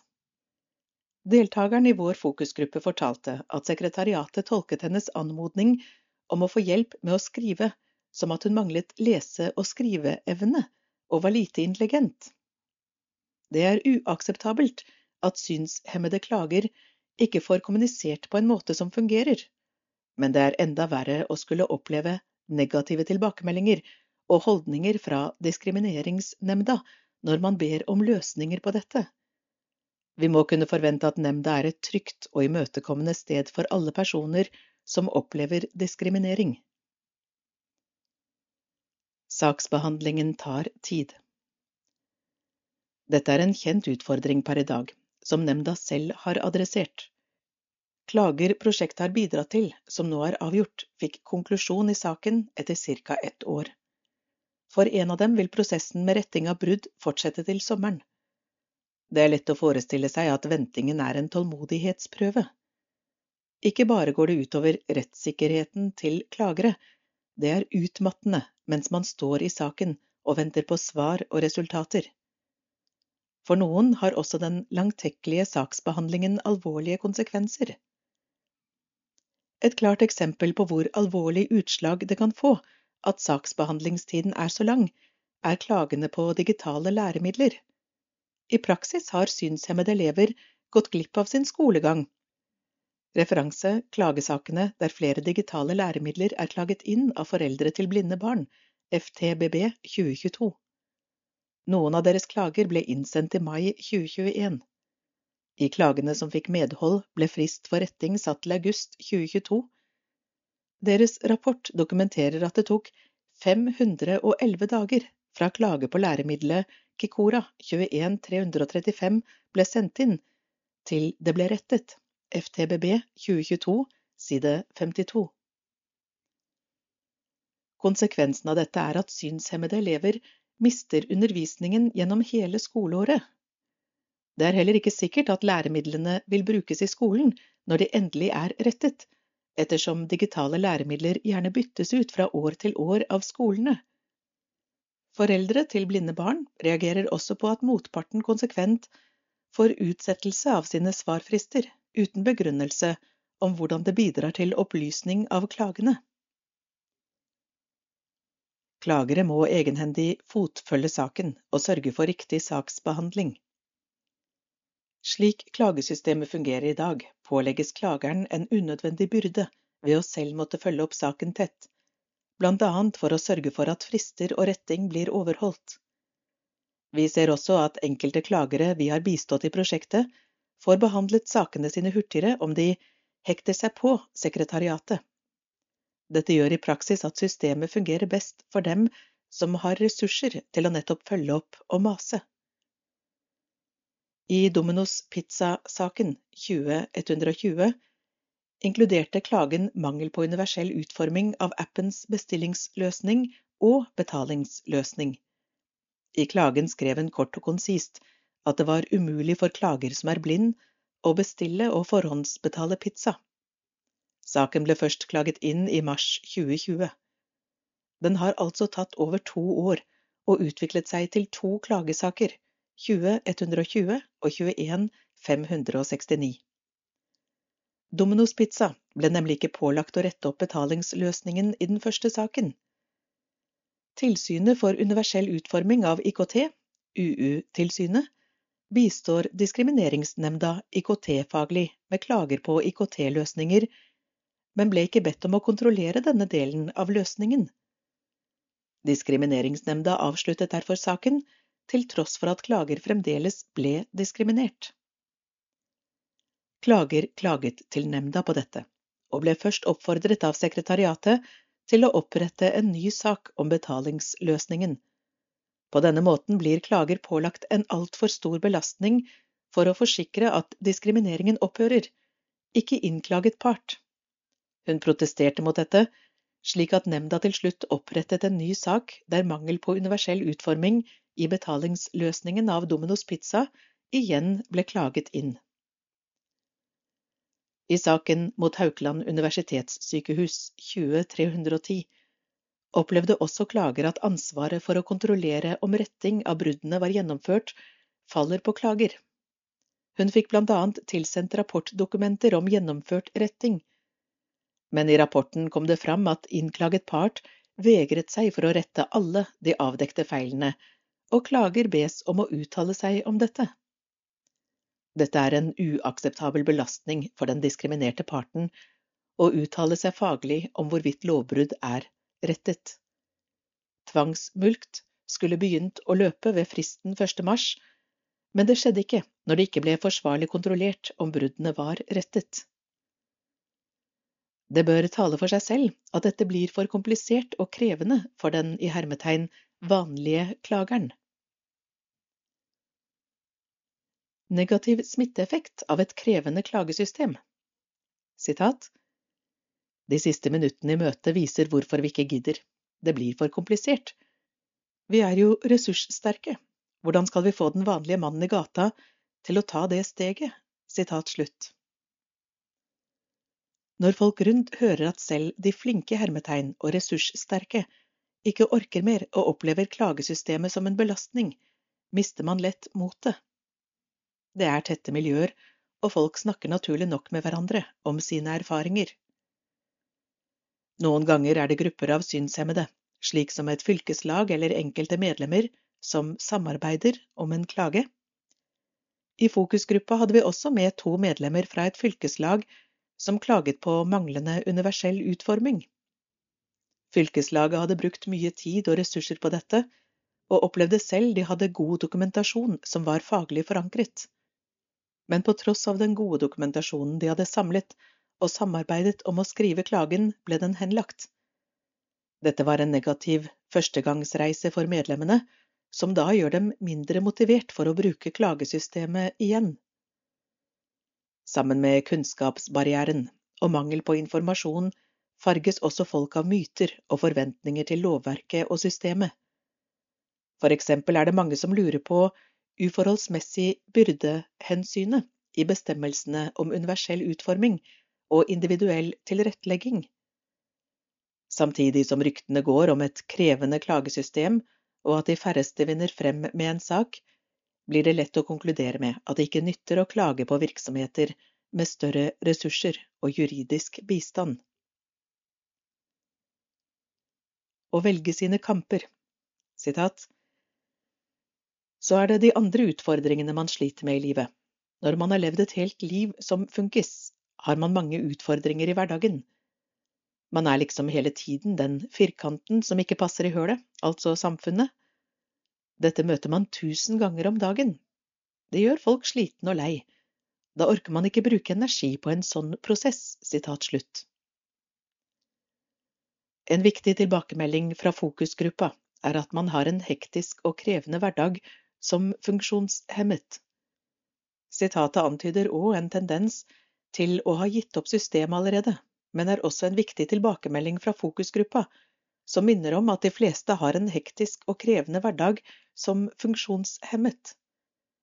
Sammen med inntrykket syns- og hørselshemmede får av et spesielt krevende system for å klage på diskriminering, hvor det ikke nytter selv for de ressurssterke, blir en klage til Diskrimineringsnemnda fort valgt bort i mengden av kamper. Syns- og hørselshemmede sammen med andre grupper funksjonshemmede, er slitne og leie av å ikke passe inn i et samfunn preget av normer og forventninger.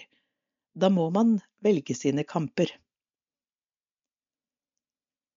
Behov for veiledning, støtte og samhold.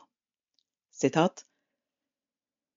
Det hadde vært fint om det finnes et sted, i en organisasjon eller andre, man kan gå til og si nå har jeg en klagesak, Hjelp meg å finne ut hvordan dette skal gjøres, og at personen er tilgjengelig gjennom prosessen, både som en mental og faglig støtte.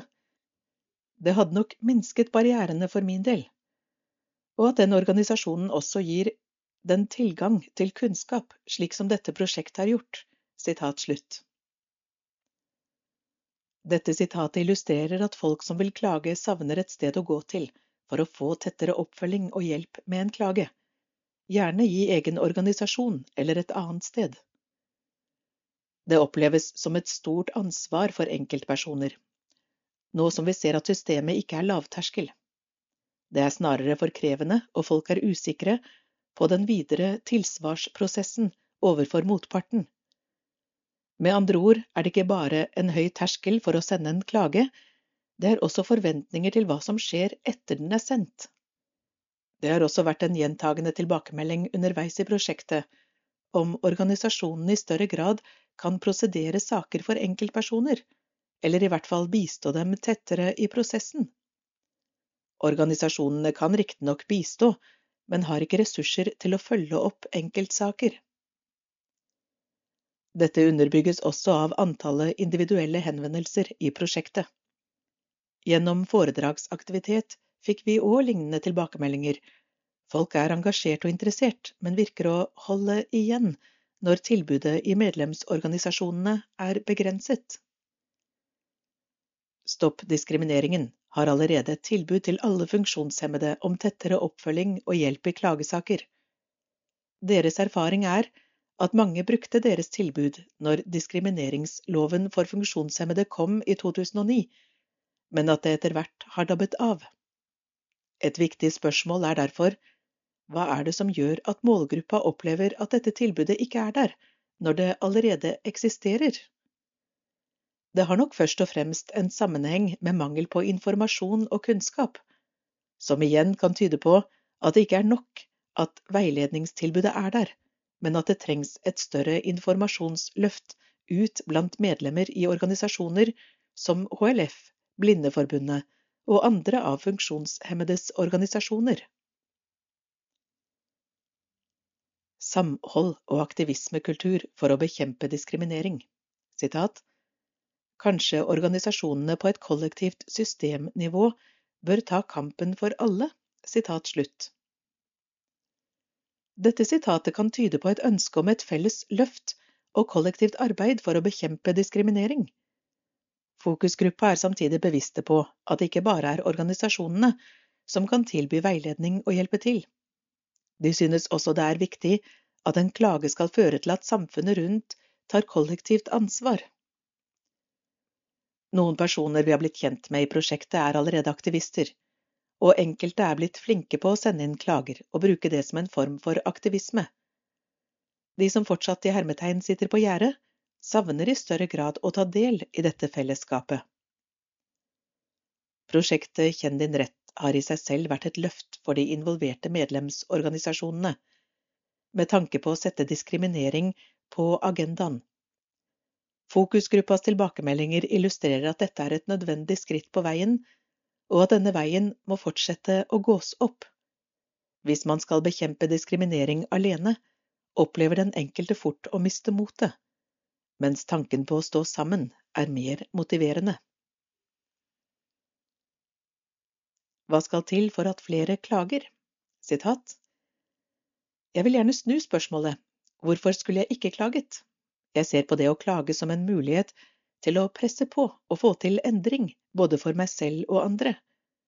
Når jeg fikk positivt resultat, sørget jeg for å gå til media. Alle må også få vite det. Sitat slutt. I fokusgruppa fikk vi fort følelsen av en håpløshet når det gjelder muligheten for å nå frem med en klage men det er også håp. Blant annet var deltakeren med mest klageerfaring nøye på å nyansere samtalen og si at det nytter, som det siste sitatet viser. At én person klager, kan bane vei for de neste, og budskapet må spres. For noen er dermed de mulige ringvirkningene en viktig motivasjon for å klage. Vi avsluttet fokusgruppeintervjuet med spørsmål om hva folk kan tenke seg ville gjøre det bedre å klage. Vi tok oss rett og slett tid til å drømme litt om hva som kan gjøre klagesystemet bedre, og hvordan flere kan klage.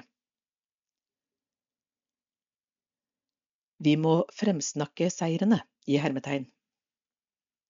Et godt innspill fra fokusgruppa var at organisasjonene og andre har gode muligheter for å synliggjøre seirene i form av klagene som vinner frem fra syns- og hørselshemmede. Sitatet over. Ikke bare gjennom media, men også interessepolitisk trykk og synergieffekter mot den enkelte aktøren ut ifra vedtakene. Slik at man ikke bare har en seier som ikke gjøres noe med, men kan utnytte seirene og vedtakene mer. Dette handler også om å få medias oppmerksomhet, slik at effekten av et vedtak om diskriminering blir større. Det ble også påpekt at det er noe syns- og hørselshemmede kan gjøre på egen hånd, dersom man vinner frem med en klage. Klagesaker og bruk av veiledning skjer ikke av seg selv. Prosjektet har samtidig måttet gå aktivt ut i medlemsorganisasjonene for å vise frem tilbudet, og det har tatt tid å skape motivasjon og bevissthet, jf. formålet i prosjektet. Vi erkjenner derfor at det er en kulturell endring som må til gjennom strategisk og målrettet arbeid i organisasjonene. Dermed er det ikke bare viktig for syns- og hørselshemmede å ha et fungerende veiledningstilbud, men også at organisasjonene aktivt jobber for å vise frem det eksisterende tilbudet, og hvilke alternativer man har til veiledning og rettshjelp. Etter hvert som vi fikk noen klager sendt fra synshemmede, så vi at det var spesielt prekært å fortsette å mobilisere folk med hørselsutfordringer. Mot slutten av prosjektperioden fikk vi endelig henvendelser fra folk som vil klage på manglende teleslynge for høreapparatbrukere, hvorav én resulterte i klage. Det tyder på at det må jobbes langsiktig og intensivt videre med antidiskrimineringsarbeidet, både i organisasjonene og som en felles front. Og hvem har hovedansvaret? Vi viser til denne gode refleksjonen i fokusgruppa. Sitat, Jeg savner at offentlige myndigheter i mye større grad tar regninga for å drive denne folkeopplysninga. Når det gjelder grunnleggende menneskerettigheter, så tenker jeg at staten har et unikt, særskilt ansvar for å sørge for at folk kjenner til sine menneskerettigheter og vet hva de skal gjøre når sine rettigheter blir brutt. Det skjer ikke i dag. I dag er det litt stykkevis og delt. Kanskje noen medlemmer i en organisasjon vet noe, eller en artikkel i et tidsskrift gjør at man får det med seg. Men det er altfor tilfeldig. Det må være et organisert fremstøt. Det er min store drøm. Slutt. Oppsummering I dette kapitlet har vi fått frem at barrierene for å klage handler om mangel på kunnskap om diskriminering og lavterskeltilbudet, og at klageprosessen i seg selv blir for krevende. Det er manglende bevissthet om hva det vil si å være diskriminert, manglende kunnskap om hvordan man går frem, og mulighetene som finnes for å klage. Fortellingene fra fokusgruppedeltakeren med mest klageerfaring om å ikke lenger orke å stå i en sak, på tross av sin kunnskap og ressurser, gjorde også stort inntrykk på resten av fokusgruppa og prosjektet. Tilbakemeldingene fra fokusgruppa, supplert med erfaringene fra prosjektets og andre klagesaker, får frem et viktig og alvorlig funn i prosjektet. Lavterskeltilbudet er for krevende, selv for ressurssterke. Det er en etablert kritikk allerede at klageprosessen og systemet blir forbeholdt de ressurssterke eksempel Hellum og Strand 2022. Prosjektets funn resonnerer spesielt med Camilla Winterstøs avhandling sitat, Selv ressurssterke klagere misforstår eller overser viktig informasjon som de får fra nemnda. Dette kan føre til at de ikke kan ivareta egne interesser i saken på en tilfredsstillende måte. Sitat slutt, Vinterstø 2022, side 61.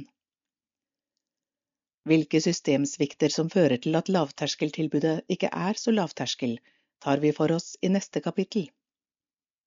Fokusgruppas behov, negative inntrykk av systemet og andre erfaringer tilsier også at det trengs et bedre og bredere veiledningstilbud og støtte i klageprosessen.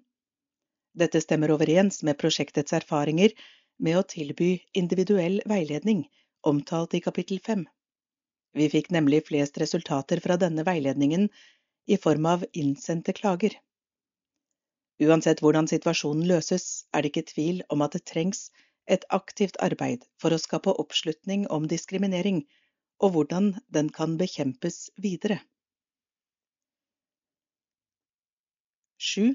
Systematiske barrierer Her tar vi for oss forhold ved lavterskeltilbudet, i lovverket og andre forhold som kan forbedres, slik at lavterskeltilbudet kan fungere bedre. Våre anbefalinger og endringsforslag til punktene oppsummeres i slutten av kapitlet.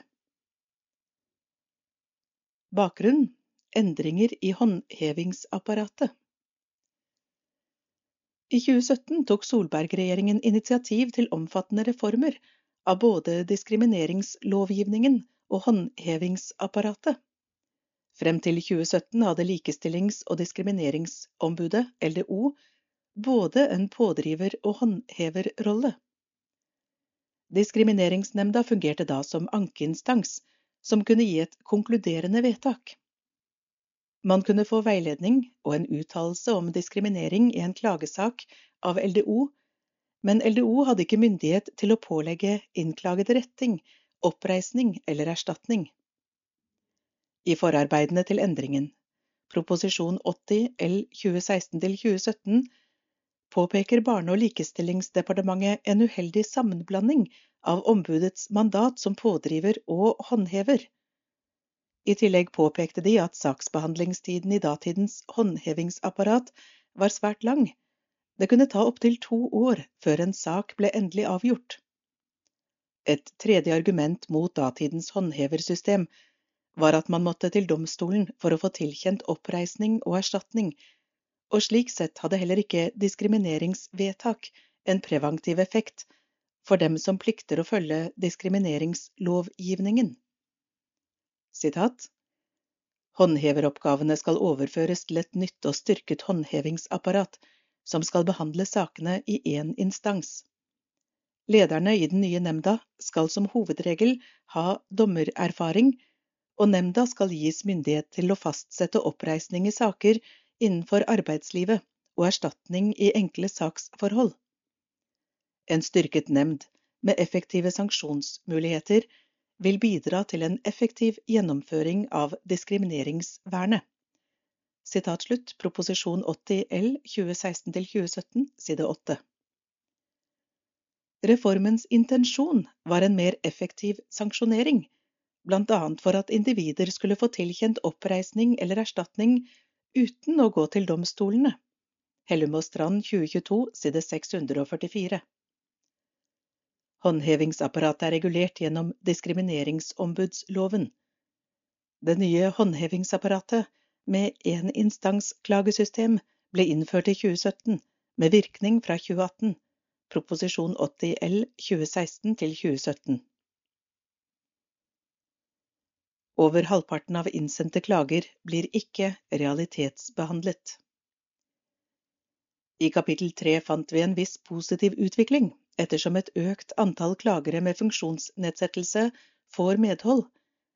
Samtidig blir i overkant av halvparten av avgjorte saker ikke realitetsbehandlet, enten grunnet avvisning henleggelse, eller at de avsluttes uten avgjørelse. Saker kan eksempelvis bli henlagt hvis nemndas sekretariat vurderer at den ikke lar seg opplyse godt nok av bevis. Dette var eksempelvis grunnen til at klagesaken om Trondheim Torg 2194 ble henlagt, en sentral klage for Norges Blindeforbund og i prosjektet.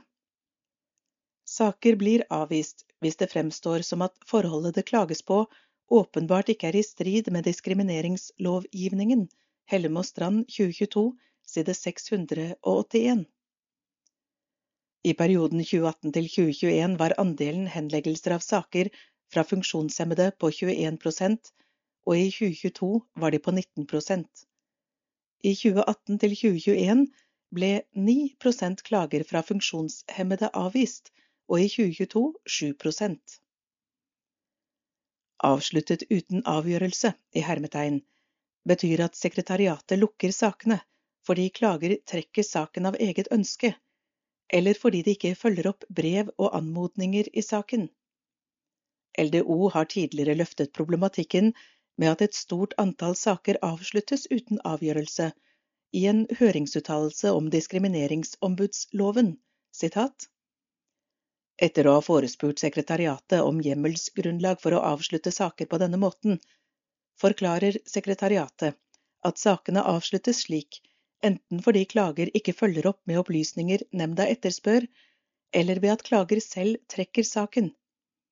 I disse sakene har sekretariatet sendt et brev til klager og etterlyst konkrete opplysninger for å få en fullstendig klage. Sitat slutt.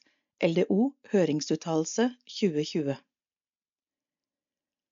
i perioden 2018 til 2021 var andelen saker fra funksjonshemmede uten avgjørelse fordi klager selv trakk klagen på 10% og andelen avsluttet uten avgjørelse fordi klager ikke medvirket til prosessen på 15% I 2022 var andelen avsluttet uten avgjørelse fordi klager selv trakk klagen på 11% avsluttet uten avgjørelse fordi klager ikke medvirket til prosessen, var på 14 til sammen ble 25% saker avsluttet uten avgjørelse i 2022 for klagere registrert med funksjonsnedsettelse.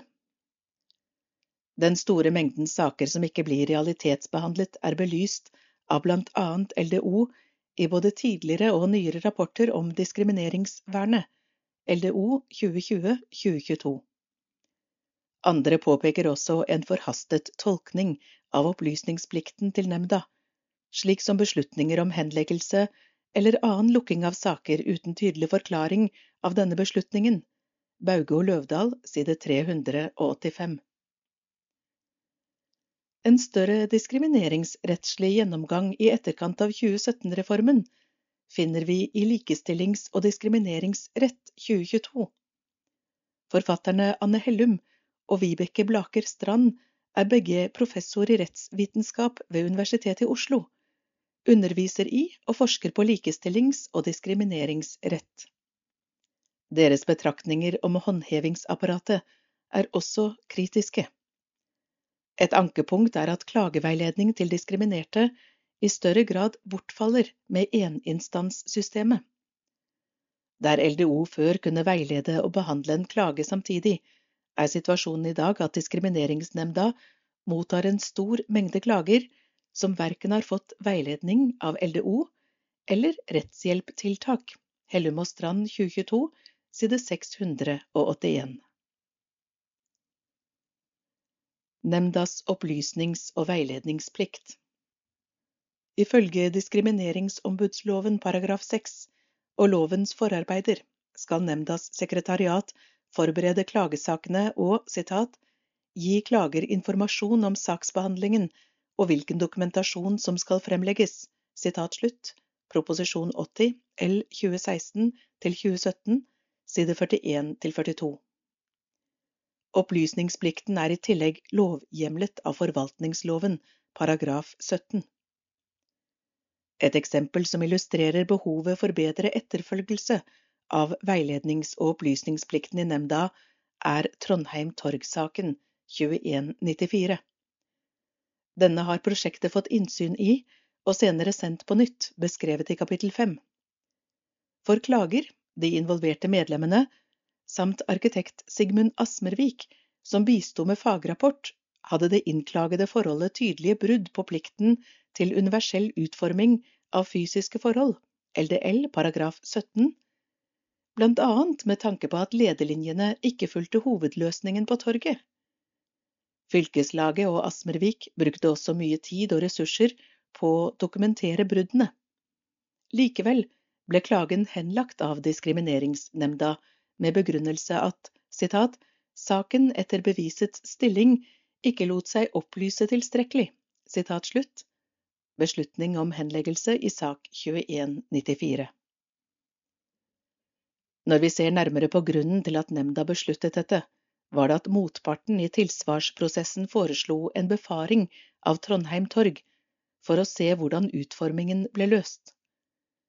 Klager sa seg så enig i dette, slik at begge parter foreslo befaring. Men nemndsbehandlingen gir ikke anledning til å reise på befaring, ettersom nemnda kun behandler saker gjennom skriftlige, eventuelt muntlige forhandlinger. Diskrol paragraf 9 men dette kunne nemnda også helt enkelt opplyst partene om.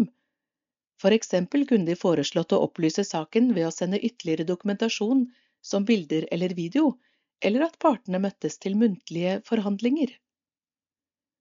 I denne saken, men også andre klageprosesser vi har bistått i, slik som klage på app for helsekommunikasjon 22095, ser vi at nemndas saksbehandling utføres på en måte som gjør at klager trår feil og fører til at saker ikke blir realitetsbehandlet, i stedet for å forklare og rettlede slik at saken blir vurdert riktig. Diskrimineringsnemndas tilbud om alternative kommunikasjonsmåter til klagere. CRPD artikkel 21 b forplikter statlige parter til å citat, godta og legge til rette for at mennesker med nedsatt funksjonsevne i samhandling med det offentlige kan bruke tegnspråk, punktskrift, alternativ og supplerende kommunikasjon og alle andre tilgjengelige kommunikasjonsformer, midler og formater etter eget valg. CRPD. I tillegg til at manglende alternativ kommunikasjonsform for funksjonshemmede i seg selv kan håndheves av bestemmelsen paragraf 8 om indirekte diskriminering i likestillings- og diskrimineringsloven, har en uttalelse fra Sivilombudet på bakgrunn av en klage på Ruter fra 2009, LDO-uttalelse 09-1020, påpekt at offentlige organer må gi alternativer til skriftlig kommunikasjon. Nemnda tilbyr også alternativer. Det er i teorien mulighet for å få diktert en klage over telefon av sekretariatet, men prosjektet har erfart at det ikke alltid går på skinner i praksis. Muligheten og retten til alternativ kommunikasjonsform må ikke bare informeres om bedre av nemnda. Som beskrevet i del 6.3 opplever klagere lite imøtekommenhet fra nemnda når de på egen hånd ber om det. Og realiteten er at de fleste synshemmede, hørselshemmede og andre diskriminerte ikke er kjent med at man har den retten. Prosjektet har selv oppfordret synshemmede deltakere i prosjektet til å sende klage via e-post, nettopp da det er et enklere alternativ. Dette vet vi også er praktisert av andre synshemmede. En av prosjektets klagere ble da henvist til elektronisk klageskjema av nemnda, klage på app om helsekommunikasjon 22095, og måtte sende inn på nytt. Klager benyttet da det elektroniske skjemaet, men skjermleser fanget ikke opp nødvendige avkryssingsbokser i klageskjemaet. Det kan ha ulike grunner, men sier oss noe om at det kan være utfordrende å bruke et digitalt klagesystem for skjermleserbrukere. Når størsteparten av klagere til nemnda er mennesker med funksjonsnedsettelser, har også nemnda et ekstra stort ansvar for å tilpasse klagesystemet for ulike funksjonsnedsettelser. Et reelt lavterskeltilbud må innebære at man ikke tvinges inn i et system som kun er skriftlig og digitalt, i henhold til CRPD artikkel 21 b. Uforståelig språk og krevende anmodninger i nemndas brev. I prosjektet så vi også at nemnda gjør klageprosessen unødvendig komplisert gjennom tungt byråkratisk saksbehandlerspråk og lite informasjon om hvorfor de ber om opplysninger fra klageren. I samme klage som ovennevnt fikk klager et brev med anmodning om opplysninger klage på app og nettside om helsekommunikasjon 22 1095. Klager opplevde brevet som uforståelig, og fikk bistand fra prosjektet med svar. Dette hadde igjen sammenheng med at det elektroniske klageskjemaet ikke var fullstendig utfylt, og at det manglet informasjon om klagers synstekniske hjelpemidler. Her har både prosjektet, LDO og andre observert at det stopper opp for mange klagere slik at klager ikke svarer på anmodning om opplysninger fra nemnda, og en stor andel klager avsluttes uten avgjørelse. Som tidligere beskrevet har prosjektet fått tilbakemeldinger i verksteder fra folk som opplever det IKT-tekniske ved en klage til nemnda som krevende, og dermed opplever at man må være IKT-ekspert i hermetegn for å klage. Blindeforbundet tok blant annet dette opp i et radiointervju med direktør for Diskrimineringsnemnda i november 2022. LDOs tilbud om veiledning i diskrimineringssaker. For at klager som kommer til nemnda skal bli realitetsbehandlet og føre frem, er det også viktig med tilstrekkelig veiledningstilbud. Dette kan folk som mener seg diskriminert få av LDO før de sender klagen. Som tidligere nevnt er det også ønskelig med mer støtte fra organisasjonene og andre. LDOs veiledningstilbud fungerer slik at man får generelle råd om diskriminering og hvordan gå frem for å klage, men de tilbyr per i dag ikke tettere oppfølging gjennom prosessen. Dette kan oppleves som utilstrekkelig for enkeltpersoner når man står i en krevende sak og trenger god støtte slik rapportens funn i kapittel seks illustrerer. Samtidig åpner ombudet selv for å endre sin veiledningstjeneste og være partshjelper i klagesaker opp mot Diskrimineringsnemnda, LDO 2022 side 11. I fokusgruppa melder noen at de er fornøyde med LDOs tilbud.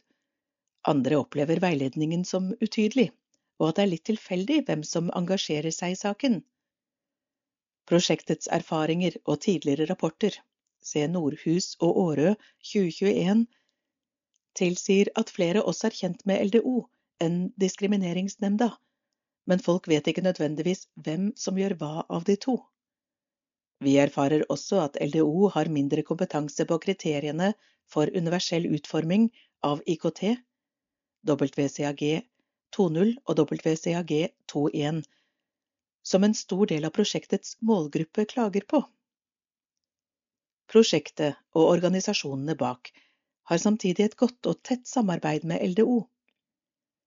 Som pådriver er deres erfaringsgrunnlag fra veiledning og fagkompetanse på diskriminering av funksjonshemmede viktig, annet som nasjonal overvåker av CRPD.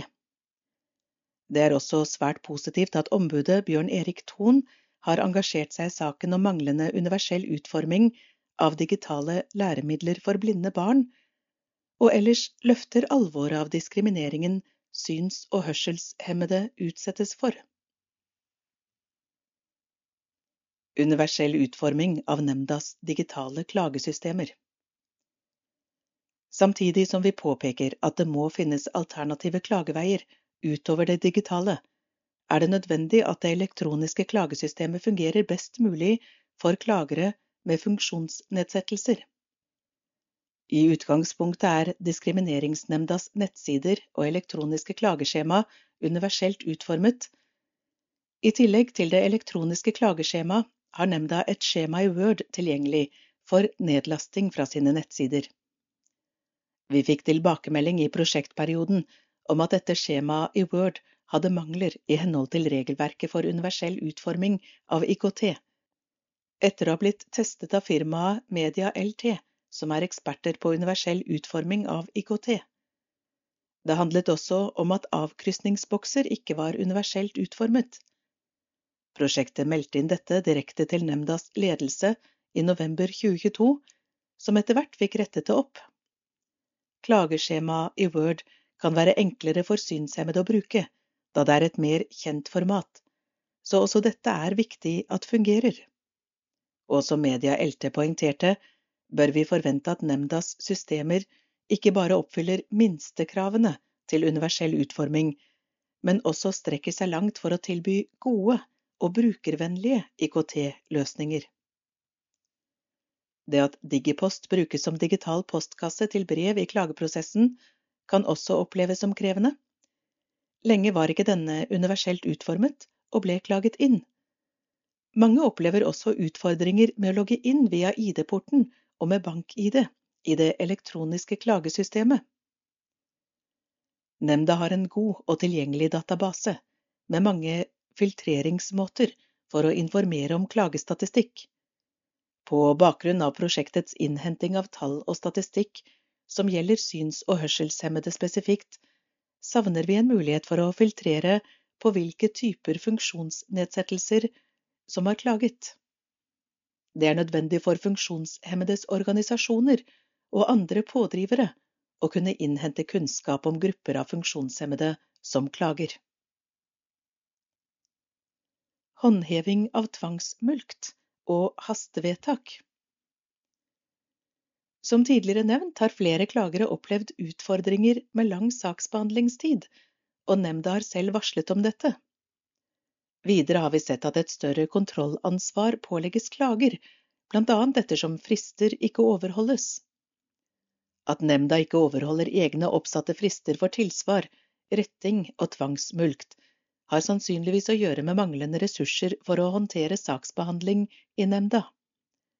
Det er uansett alvorlig og går utover klageres rettssikkerhet at nemnda ikke purrer på innklagede når tilsvar ikke sendes innen fristen, og klagere selv må følge opp dette. Tvangsmulkt ilegges etter opprinnelig frist. Vi har også eksempler på at håndheving av tvangsmulkt ikke gjøres innen den oppsatte fristen, eksempel i Dominos Pizza-saken 21569. Her fant vi også ut at nemndas tolkning av tvangsmulktbestemmelsen, Diskrol paragraf 13, er ganske interessant. Blindeforbundet kontaktet Diskrimineringsnemndas sekretariat 22.06.2022 om sak 21569 etter rettefristen utløp 15.06.2022. En saksbehandler i sekretariatet informerte om at saken ennå ikke var oversendt Tilsynet for universell utforming av IKT, UU-tilsynet, for å sjekke om feilene var rettet, og at tvangsmulkt heller ikke hadde begynt å løpe. I samtale med saksbehandler om saken kom det også frem at de tolker diskrimineringsombudsloven og dets forarbeid slik at Diskrimineringsnemndas vedtak om tvangsmulkt skal forretningsmessig vurderes av nemndleder etter rettefristens utløp. Tvangsmulkt vil først påløpe etter denne vurderingen dersom nemndleder iverksetter påbud. I juli fikk klager brev om at tvangsmulkt begynner å løpe fra 27. juli, med andre ord seks uker etter den opprinnelige fristen. Dette mener prosjektet er en tolkning av tvangsmulkthjemmelen som ikke oppfyller diskriminertes rettsvern, og som heller ikke gir en reell sanksjoneringseffekt overfor innklagede og ellers i samfunnet. Hastevedtak er en lite brukt vedtaksmyndighet i nemndas behandling. Ifølge forarbeidene heter det at i klagesaker der den pågående diskrimineringen antas citat, å medføre ulempe eller skadevirkning ved å avvente nemndas behandlinger, kan diskrimineringsnemnda gi pålegg om stansing, retting eller andre nødvendige tiltak for å fremskynde at den diskriminerende handlingen opphører. Sitat slutt. Hellum Strand 2022, side 742, proposisjon 80 L 2016-2017, side 105 106. Det har vært lite informasjon om denne muligheten for klagere, selv om det per i dag informeres om på nemndas nettsider. Foreldre til blinde barn har i tillegg erfart at dette virkemidlet ikke ble brukt, selv når det er svært god grunn til det. FTBB 2022 side 54. Selv om det er lett å forestille seg at pågående diskriminering medfører en ulempe i hverdagen for skoleelever, vegret nemnda seg for å bruke det, og viste til opplysningsplikten og samhandlingen med UU-tilsynet, FTBB 2022, side 52. Selv om saker oversendes til UU-tilsynet, er det uakseptabelt at de brukes så lang tid når det gjelder elever i skolen.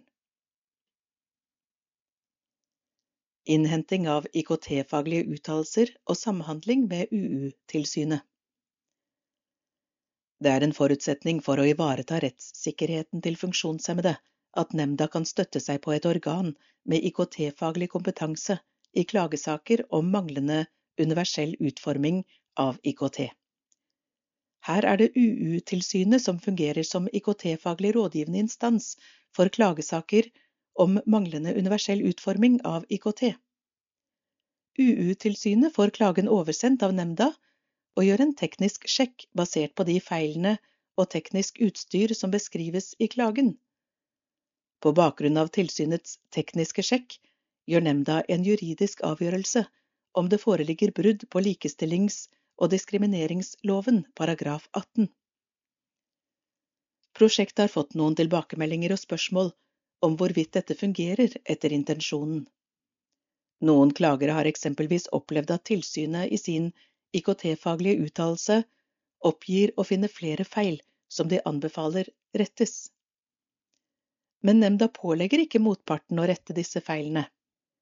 Av juridiske hensyn og kontradiksjonsprinsippet er det kun de feilene klager beskriver i sin sak, som blir pålagt å rettes av nemnda.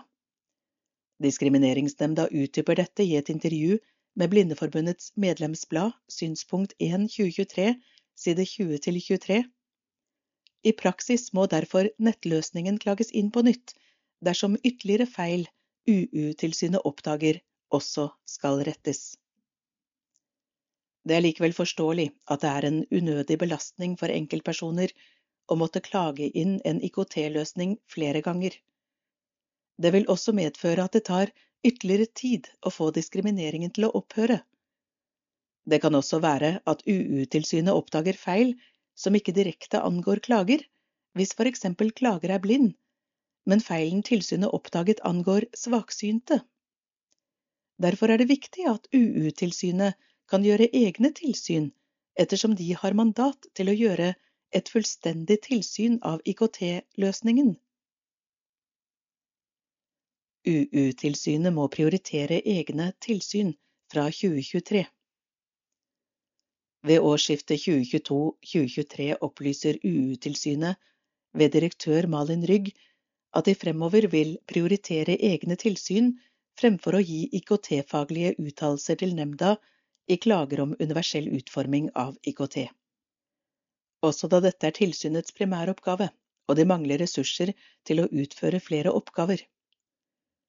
Direktør i nemnda, Ashan Nishanta, uttrykte videre bekymring for hvordan de skal få gjennomført IKT-faglige uttalelser til de mange klagene de får om universell utforming av IKT. Synspunkt 1 2023. Dette er en bekymring prosjektet støtter, samtidig som UU-tilsynet har en nødvendig tilsynsrolle. Som beskrevet over vil tilsyn være et bedre alternativ til at diskriminerte selv skal klage inn samme løsning flere ganger. Men det er ikke en ideell situasjon at det ene må prioriteres over det andre.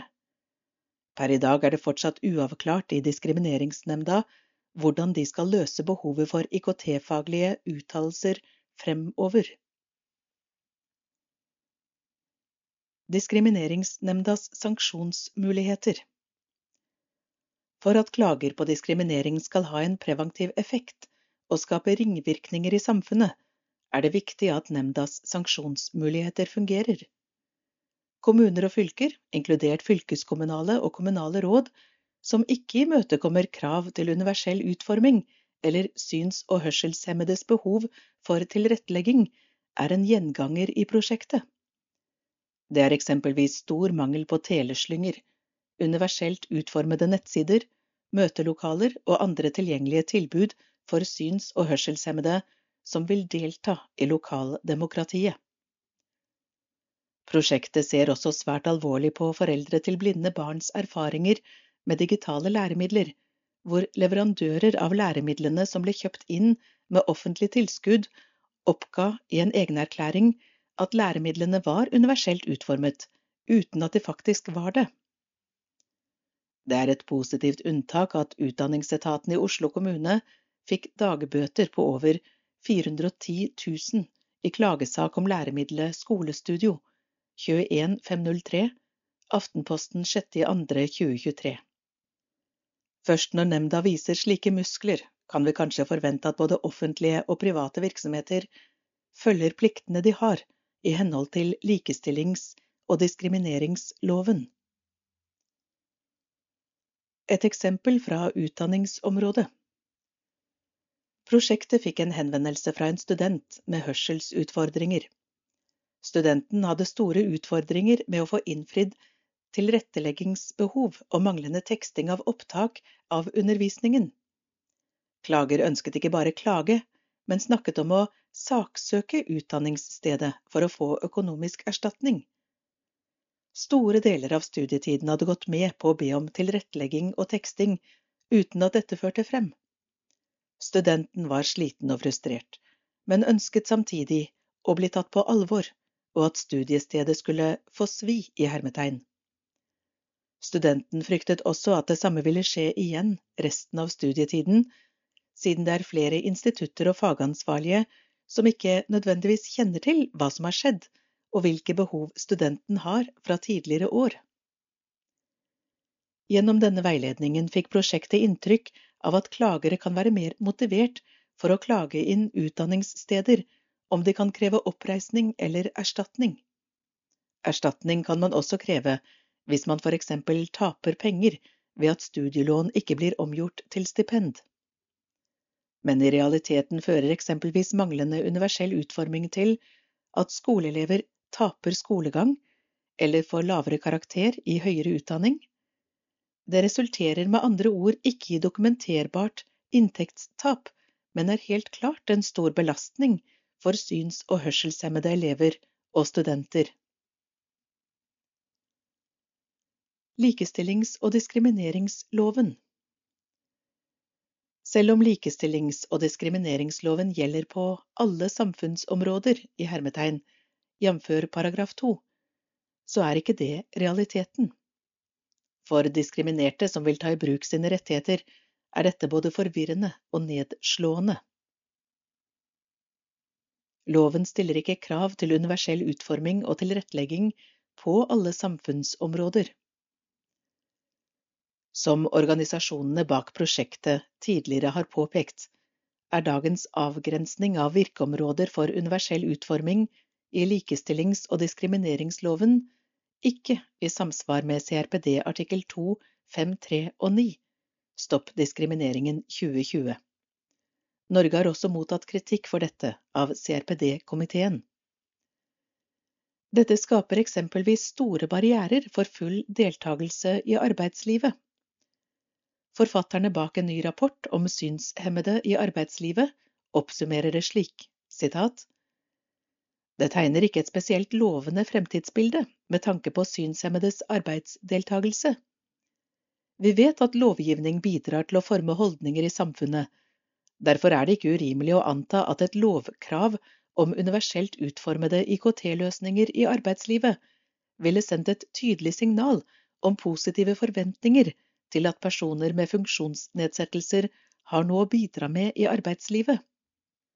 Et lovkrav kan dermed tenkes å ha dobbel effekt å redusere digitale barrierer for arbeidsdeltagelse og å forbedre holdninger og forventninger til arbeidstakere med funksjonsnedsettelser. Norse rapport 2022, side 3.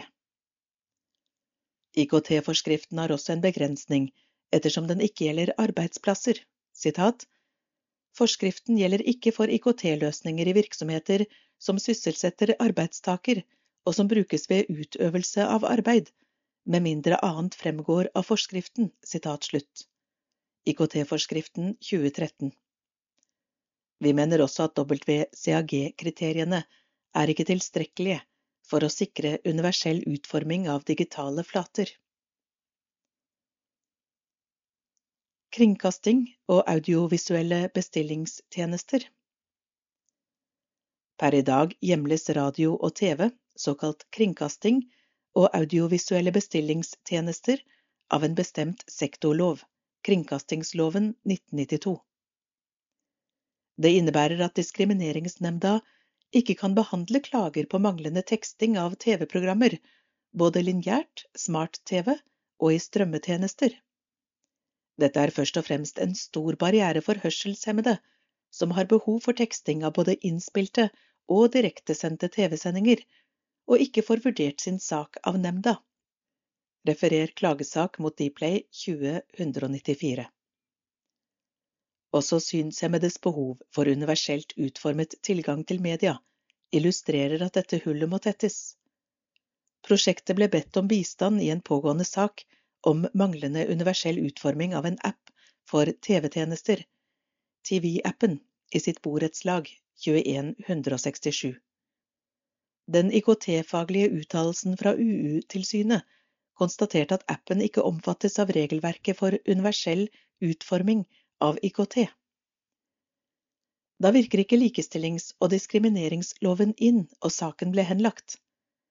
Men klager har ikke mulighet til å bruke en annen TV-tjeneste på grunn av at denne er avtaleregulert i borettslaget, og havner derfor i en situasjon hvor hun fortsatt er utestengt fra å bruke sitt TV-abonnement.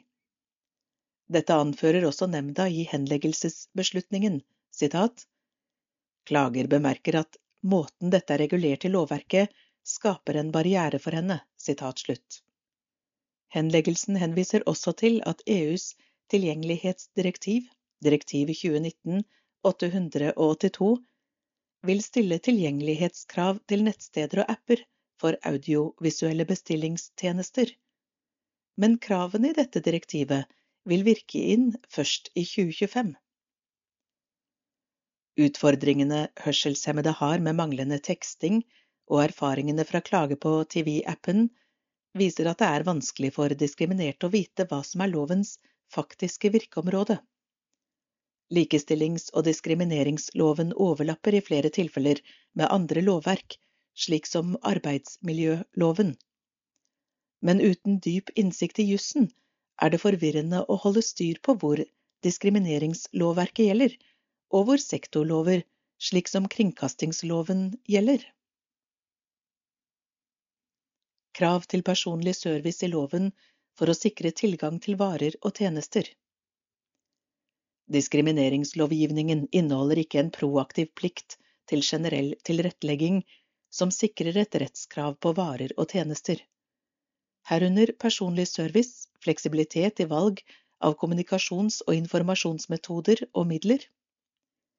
Det er ikke tilstrekkelig å tenke at universell utforming fjerner barrierene for deltakelse for alle funksjonshemmede, med unntak av et lite fåtall med sterke kognitive funksjonsnedsettelser. Barrierer i samfunnet en overordnet erkjennelse er at selv om vi styrker kunnskapen til rettighetshaverne, blir ikke diskrimineringslovgivningen tatt på alvor av dem som plikter å følge den. Diskrimineringsvernet funksjonshemmede har, er lite kjent blant pliktsubjektene, politikere, medier og andre viktige aktører i samfunnet. Befolkningen som sådan er mindre bevisste om diskrimineringen funksjonshemmede utsettes for, som Fafos undersøkelse om holdninger til diskriminering har fått frem, 2019. Også media har et viktig ansvar som fjerde statsmakt. Men selv om hendelser hvor funksjonshemmede forskjellsbehandles, nektes inngang eller andre saker og varer og tjenester jevnlig omtales i media, omtales det ikke nødvendigvis som diskriminering. I praksis fører denne manglende bevisstheten i samfunnet som sådan til at krav til universell utforming i offentlige anskaffelser ikke blir etterlevd, og det er store mangler på universell utforming også ellers i offentlige og private virksomheter. Prosjektet og organisasjonene bak erfarer også at det er stor mangel på kompetanse om og engasjement for funksjonshemmedes rettigheter og diskriminering i fagbevegelsen. Mer konkret har prosjektet mottatt henvendelser fra personer som ikke får individuell tilrettelegging på arbeidsplassen, og heller ikke får ønsket støtte og hjelp fra lokal tillitsvalgt, fagforeningens jurister eller verneombud på jobb til å håndtere saken. Her er klagen til Thomas Tvedt om diskriminering i jobbintervju et eksempel til etterfølgelse, hvor fagforeningen Creo bisto ham i saken, Klausen 2022. Som beskrevet i rapportens forord er det stort behov for et skifte i synet på funksjonshemmede, men også funksjonshemmedes syn på seg selv. Det skjer ikke uten at hele samfunnet er på det, gjennom bevissthet, kunnskap og ikke minst reell interesse av at diskriminerende forhold opphører. Forslag til endringer Politisk ledelse og lovgivende myndigheter En gjennomgang av opplysnings- og veiledningsplikten Prosjektet anbefaler en gjennomgang av opplysnings- og veiledningsplikten til Diskrimineringsnemnda, slik at de bedre kan imøtekomme klagere med sansetap og andre funksjonsnedsettelser. Da vil de også oppfylle sine forpliktelser i henhold til CRPD artikkel 13 og 21. Gjennomgangen må ses i sammenheng med veiledningsrollen til LDO. En styrking av nemndas veiledningsplikt kan dessuten bidra til at flere klagere får sakene sine realitetsbehandlet.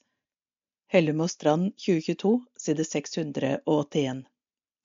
Selv om nemnda ikke kan veilede om hvordan man klager, mener vi også at de kan og bør strekke seg lenger i henhold til diskrimineringsombudsloven paragraf 6 og artikkel 13 i CRPD, ved å gi prosessuell veiledning til syns- og hørselshemmede klagere, slik at man ikke trår feil og klagesaker ikke blir realitetsbehandlet. Vi må forvente at de som tar kontakt med nemnda, møter kompetanse profesjonalitet og forståelse for forutsetningene funksjonshemmede har i møte med offentlig forvaltning. For syns- og hørselshemmede er det spesielt viktig at nemnda informerer tydeligere om alternativer til å klage skriftlig og elektronisk, og også innfrir disse alternativene. Det må være et fungerende alternativ til det digitale klagesystemet for klagere med funksjonsnedsettelser. Det er også behov for utvidet åpningstid for telefonvakten som del av dette tilbudet. Gjennomgangen må sørge for at nemnda har et brukervennlig digitalt klagesystem som må strekke seg lenger enn minstekrav for universell utforming av IKT. En klarspråkevaluering og påfølgende retningslinjer for nemndas brev og kommunikasjon med klagere styrke nemndas mulighet for innhenting av IKT-faglige uttalelser og kontroll av retting etter pålegg i samarbeid med UU-tilsynet. Det er også nødvendig at samarbeidet med UU-tilsynet gjøres mest mulig effektivt, slik at diskrimineringen stopper så fort som mulig. Organisasjonene bak prosjektet har i flere år foreslått økt tilskudd til både Diskrimineringsnemnda LDO og UU-tilsynet. Funnene i rapporten understreker dette behovet ytterligere. Hastevedtak er en mulighet som bør tydeliggjøres i nemndas informasjon om saksbehandling. Hastevedtak må kunne brukes mer på saker som kan få alvorlige konsekvenser i nær fremtid. Å sørge for at nemnda bruker sanksjonsmulighetene i større grad enn det gjøres i dag. En gjennomgang av nemndas tolkning av hjemmel for tvangsmulkt. Vi må kunne forvente at tvangsmulkt begynner å løpe ved den opprinnelige fristen, dersom pålegg om retting ikke er fulgt. Uten dette bortfaller den preventive effekten for plikthavere av nemndas vedtaksmyndighet ved pålegg om retting, jf. diskrimineringsombudsloven paragraf 11 og tvangsmulkt, jf. paragraf 13. Vi anbefaler en gjennomgang av hvordan nemnda tolker og praktiserer dette, slik at tvangsmulkt begynner å løpe fra opprinnelig dato. Følgende må tas inn i likestillings- og diskrimineringsloven. Krav til universell utforming må gjelde på alle samfunnsområder. Krav til personlig service i loven for å sikre tilgang til varer og tjenester. 8. Avslutning Prosjektet Kjenn din rett til å ikke bli diskriminert utforsket hvordan diskriminering bekjempes gjennom eksisterende klagemekanismer, og dokumenterte målgruppas erfaringer med diskriminering. Det var særlig viktig å undersøke barrierer for å klage, altså hvorfor lavterskeltilbudet for diskriminerte ikke tas i bruk av målgruppa, men også systematiske barrierer. Rapporten dokumenterer prosjektets erfaringer og funn basert på problemstillingen Hva er barrierer for å klage til Diskrimineringsnemnda for syns- og hørselshemmede, og hva skal til for å bygge ned disse barrierene? Sentrale funn i rapporten 1. Informasjon og kunnskapsbarriere I kapittel 6 fant vi at manglende kunnskap om diskriminering, rettigheter og klagesystemet er en sentral barriere for at syns- og hørselshemmede ikke klager myter og forventninger til at loven og systemet ikke fungerer, eller at man må ha mye forhåndskunnskap, gjør også at folk vegrer seg for å ta i bruk sine rettigheter. Også statistikken taler for seg hvor majoriteten av klager ikke blir realitetsbehandlet eller vurderes som ikke-brudd. 2. Klagesystemet er i seg selv en barriere, og dermed ikke lavterskel. Det er også et alvorlig funn i prosjektet at diskrimineringsvernet, som skal være et lavterskeltilbud, ikke er det. Våre funn viser at dagens system er for krevende, selv for de ressurssterke. Det handler mye om møtet med systemet for synshemmede klagere, parallelt med at lavterskeltilbudet ikke har tilstrekkelige ressurser til å effektivt saksbehandle og gi klagere adekvat service. Hvordan systemet kan forbedres, ble oppsummert i slutten av kapittel sju. Tre. Mangel på veiledning og støtte i en klageprosess. Tilbudet prosjektet ga om verksteder for klagesaker, men også individuell veiledning, indikerer at det er behov for et bredere veiledningstilbud og fri rettshjelp i klager til Diskrimineringsnemnda. I tillegg fikk vi tilbakemeldinger fra fokusgruppa som indikerer at det er behov for en tettere oppfølging og veiledning til den enkelte gjennom hele klageprosessen. Prosjektets anbefalinger basert på våre erfaringer, funn og gjennomgangen av systematiske barrierer er oppsummert i rapportens sammendrag. Veien videre en felles kamp mot diskriminering. Sitat For å endre systemet trenger man en bevegelse ikke bare enkeltindivider. Sitat slutt. Sitat fra prosjektets fokusgruppe. Rapporten viser at det er tre sentrale grunner til at syns- og hørselshemmede ikke tar i bruk sin rett til å klage på diskriminering. Det er behov for mer informasjon, et bedre veiledningstilbud og en gjennomgang av systemet for klage, slik at håndhevingsapparatet faktisk vil fungere etter intensjonen som et lavterskeltilbud. Samtidig er det håp. Vi ser en økning i antallet klager som får medhold fra funksjonshemmede, særlig om universell utforming av IKT. Det er viktig å få frem at det også nytter, å framsnakke seierne, som det ble sagt i prosjektets fokusgruppe.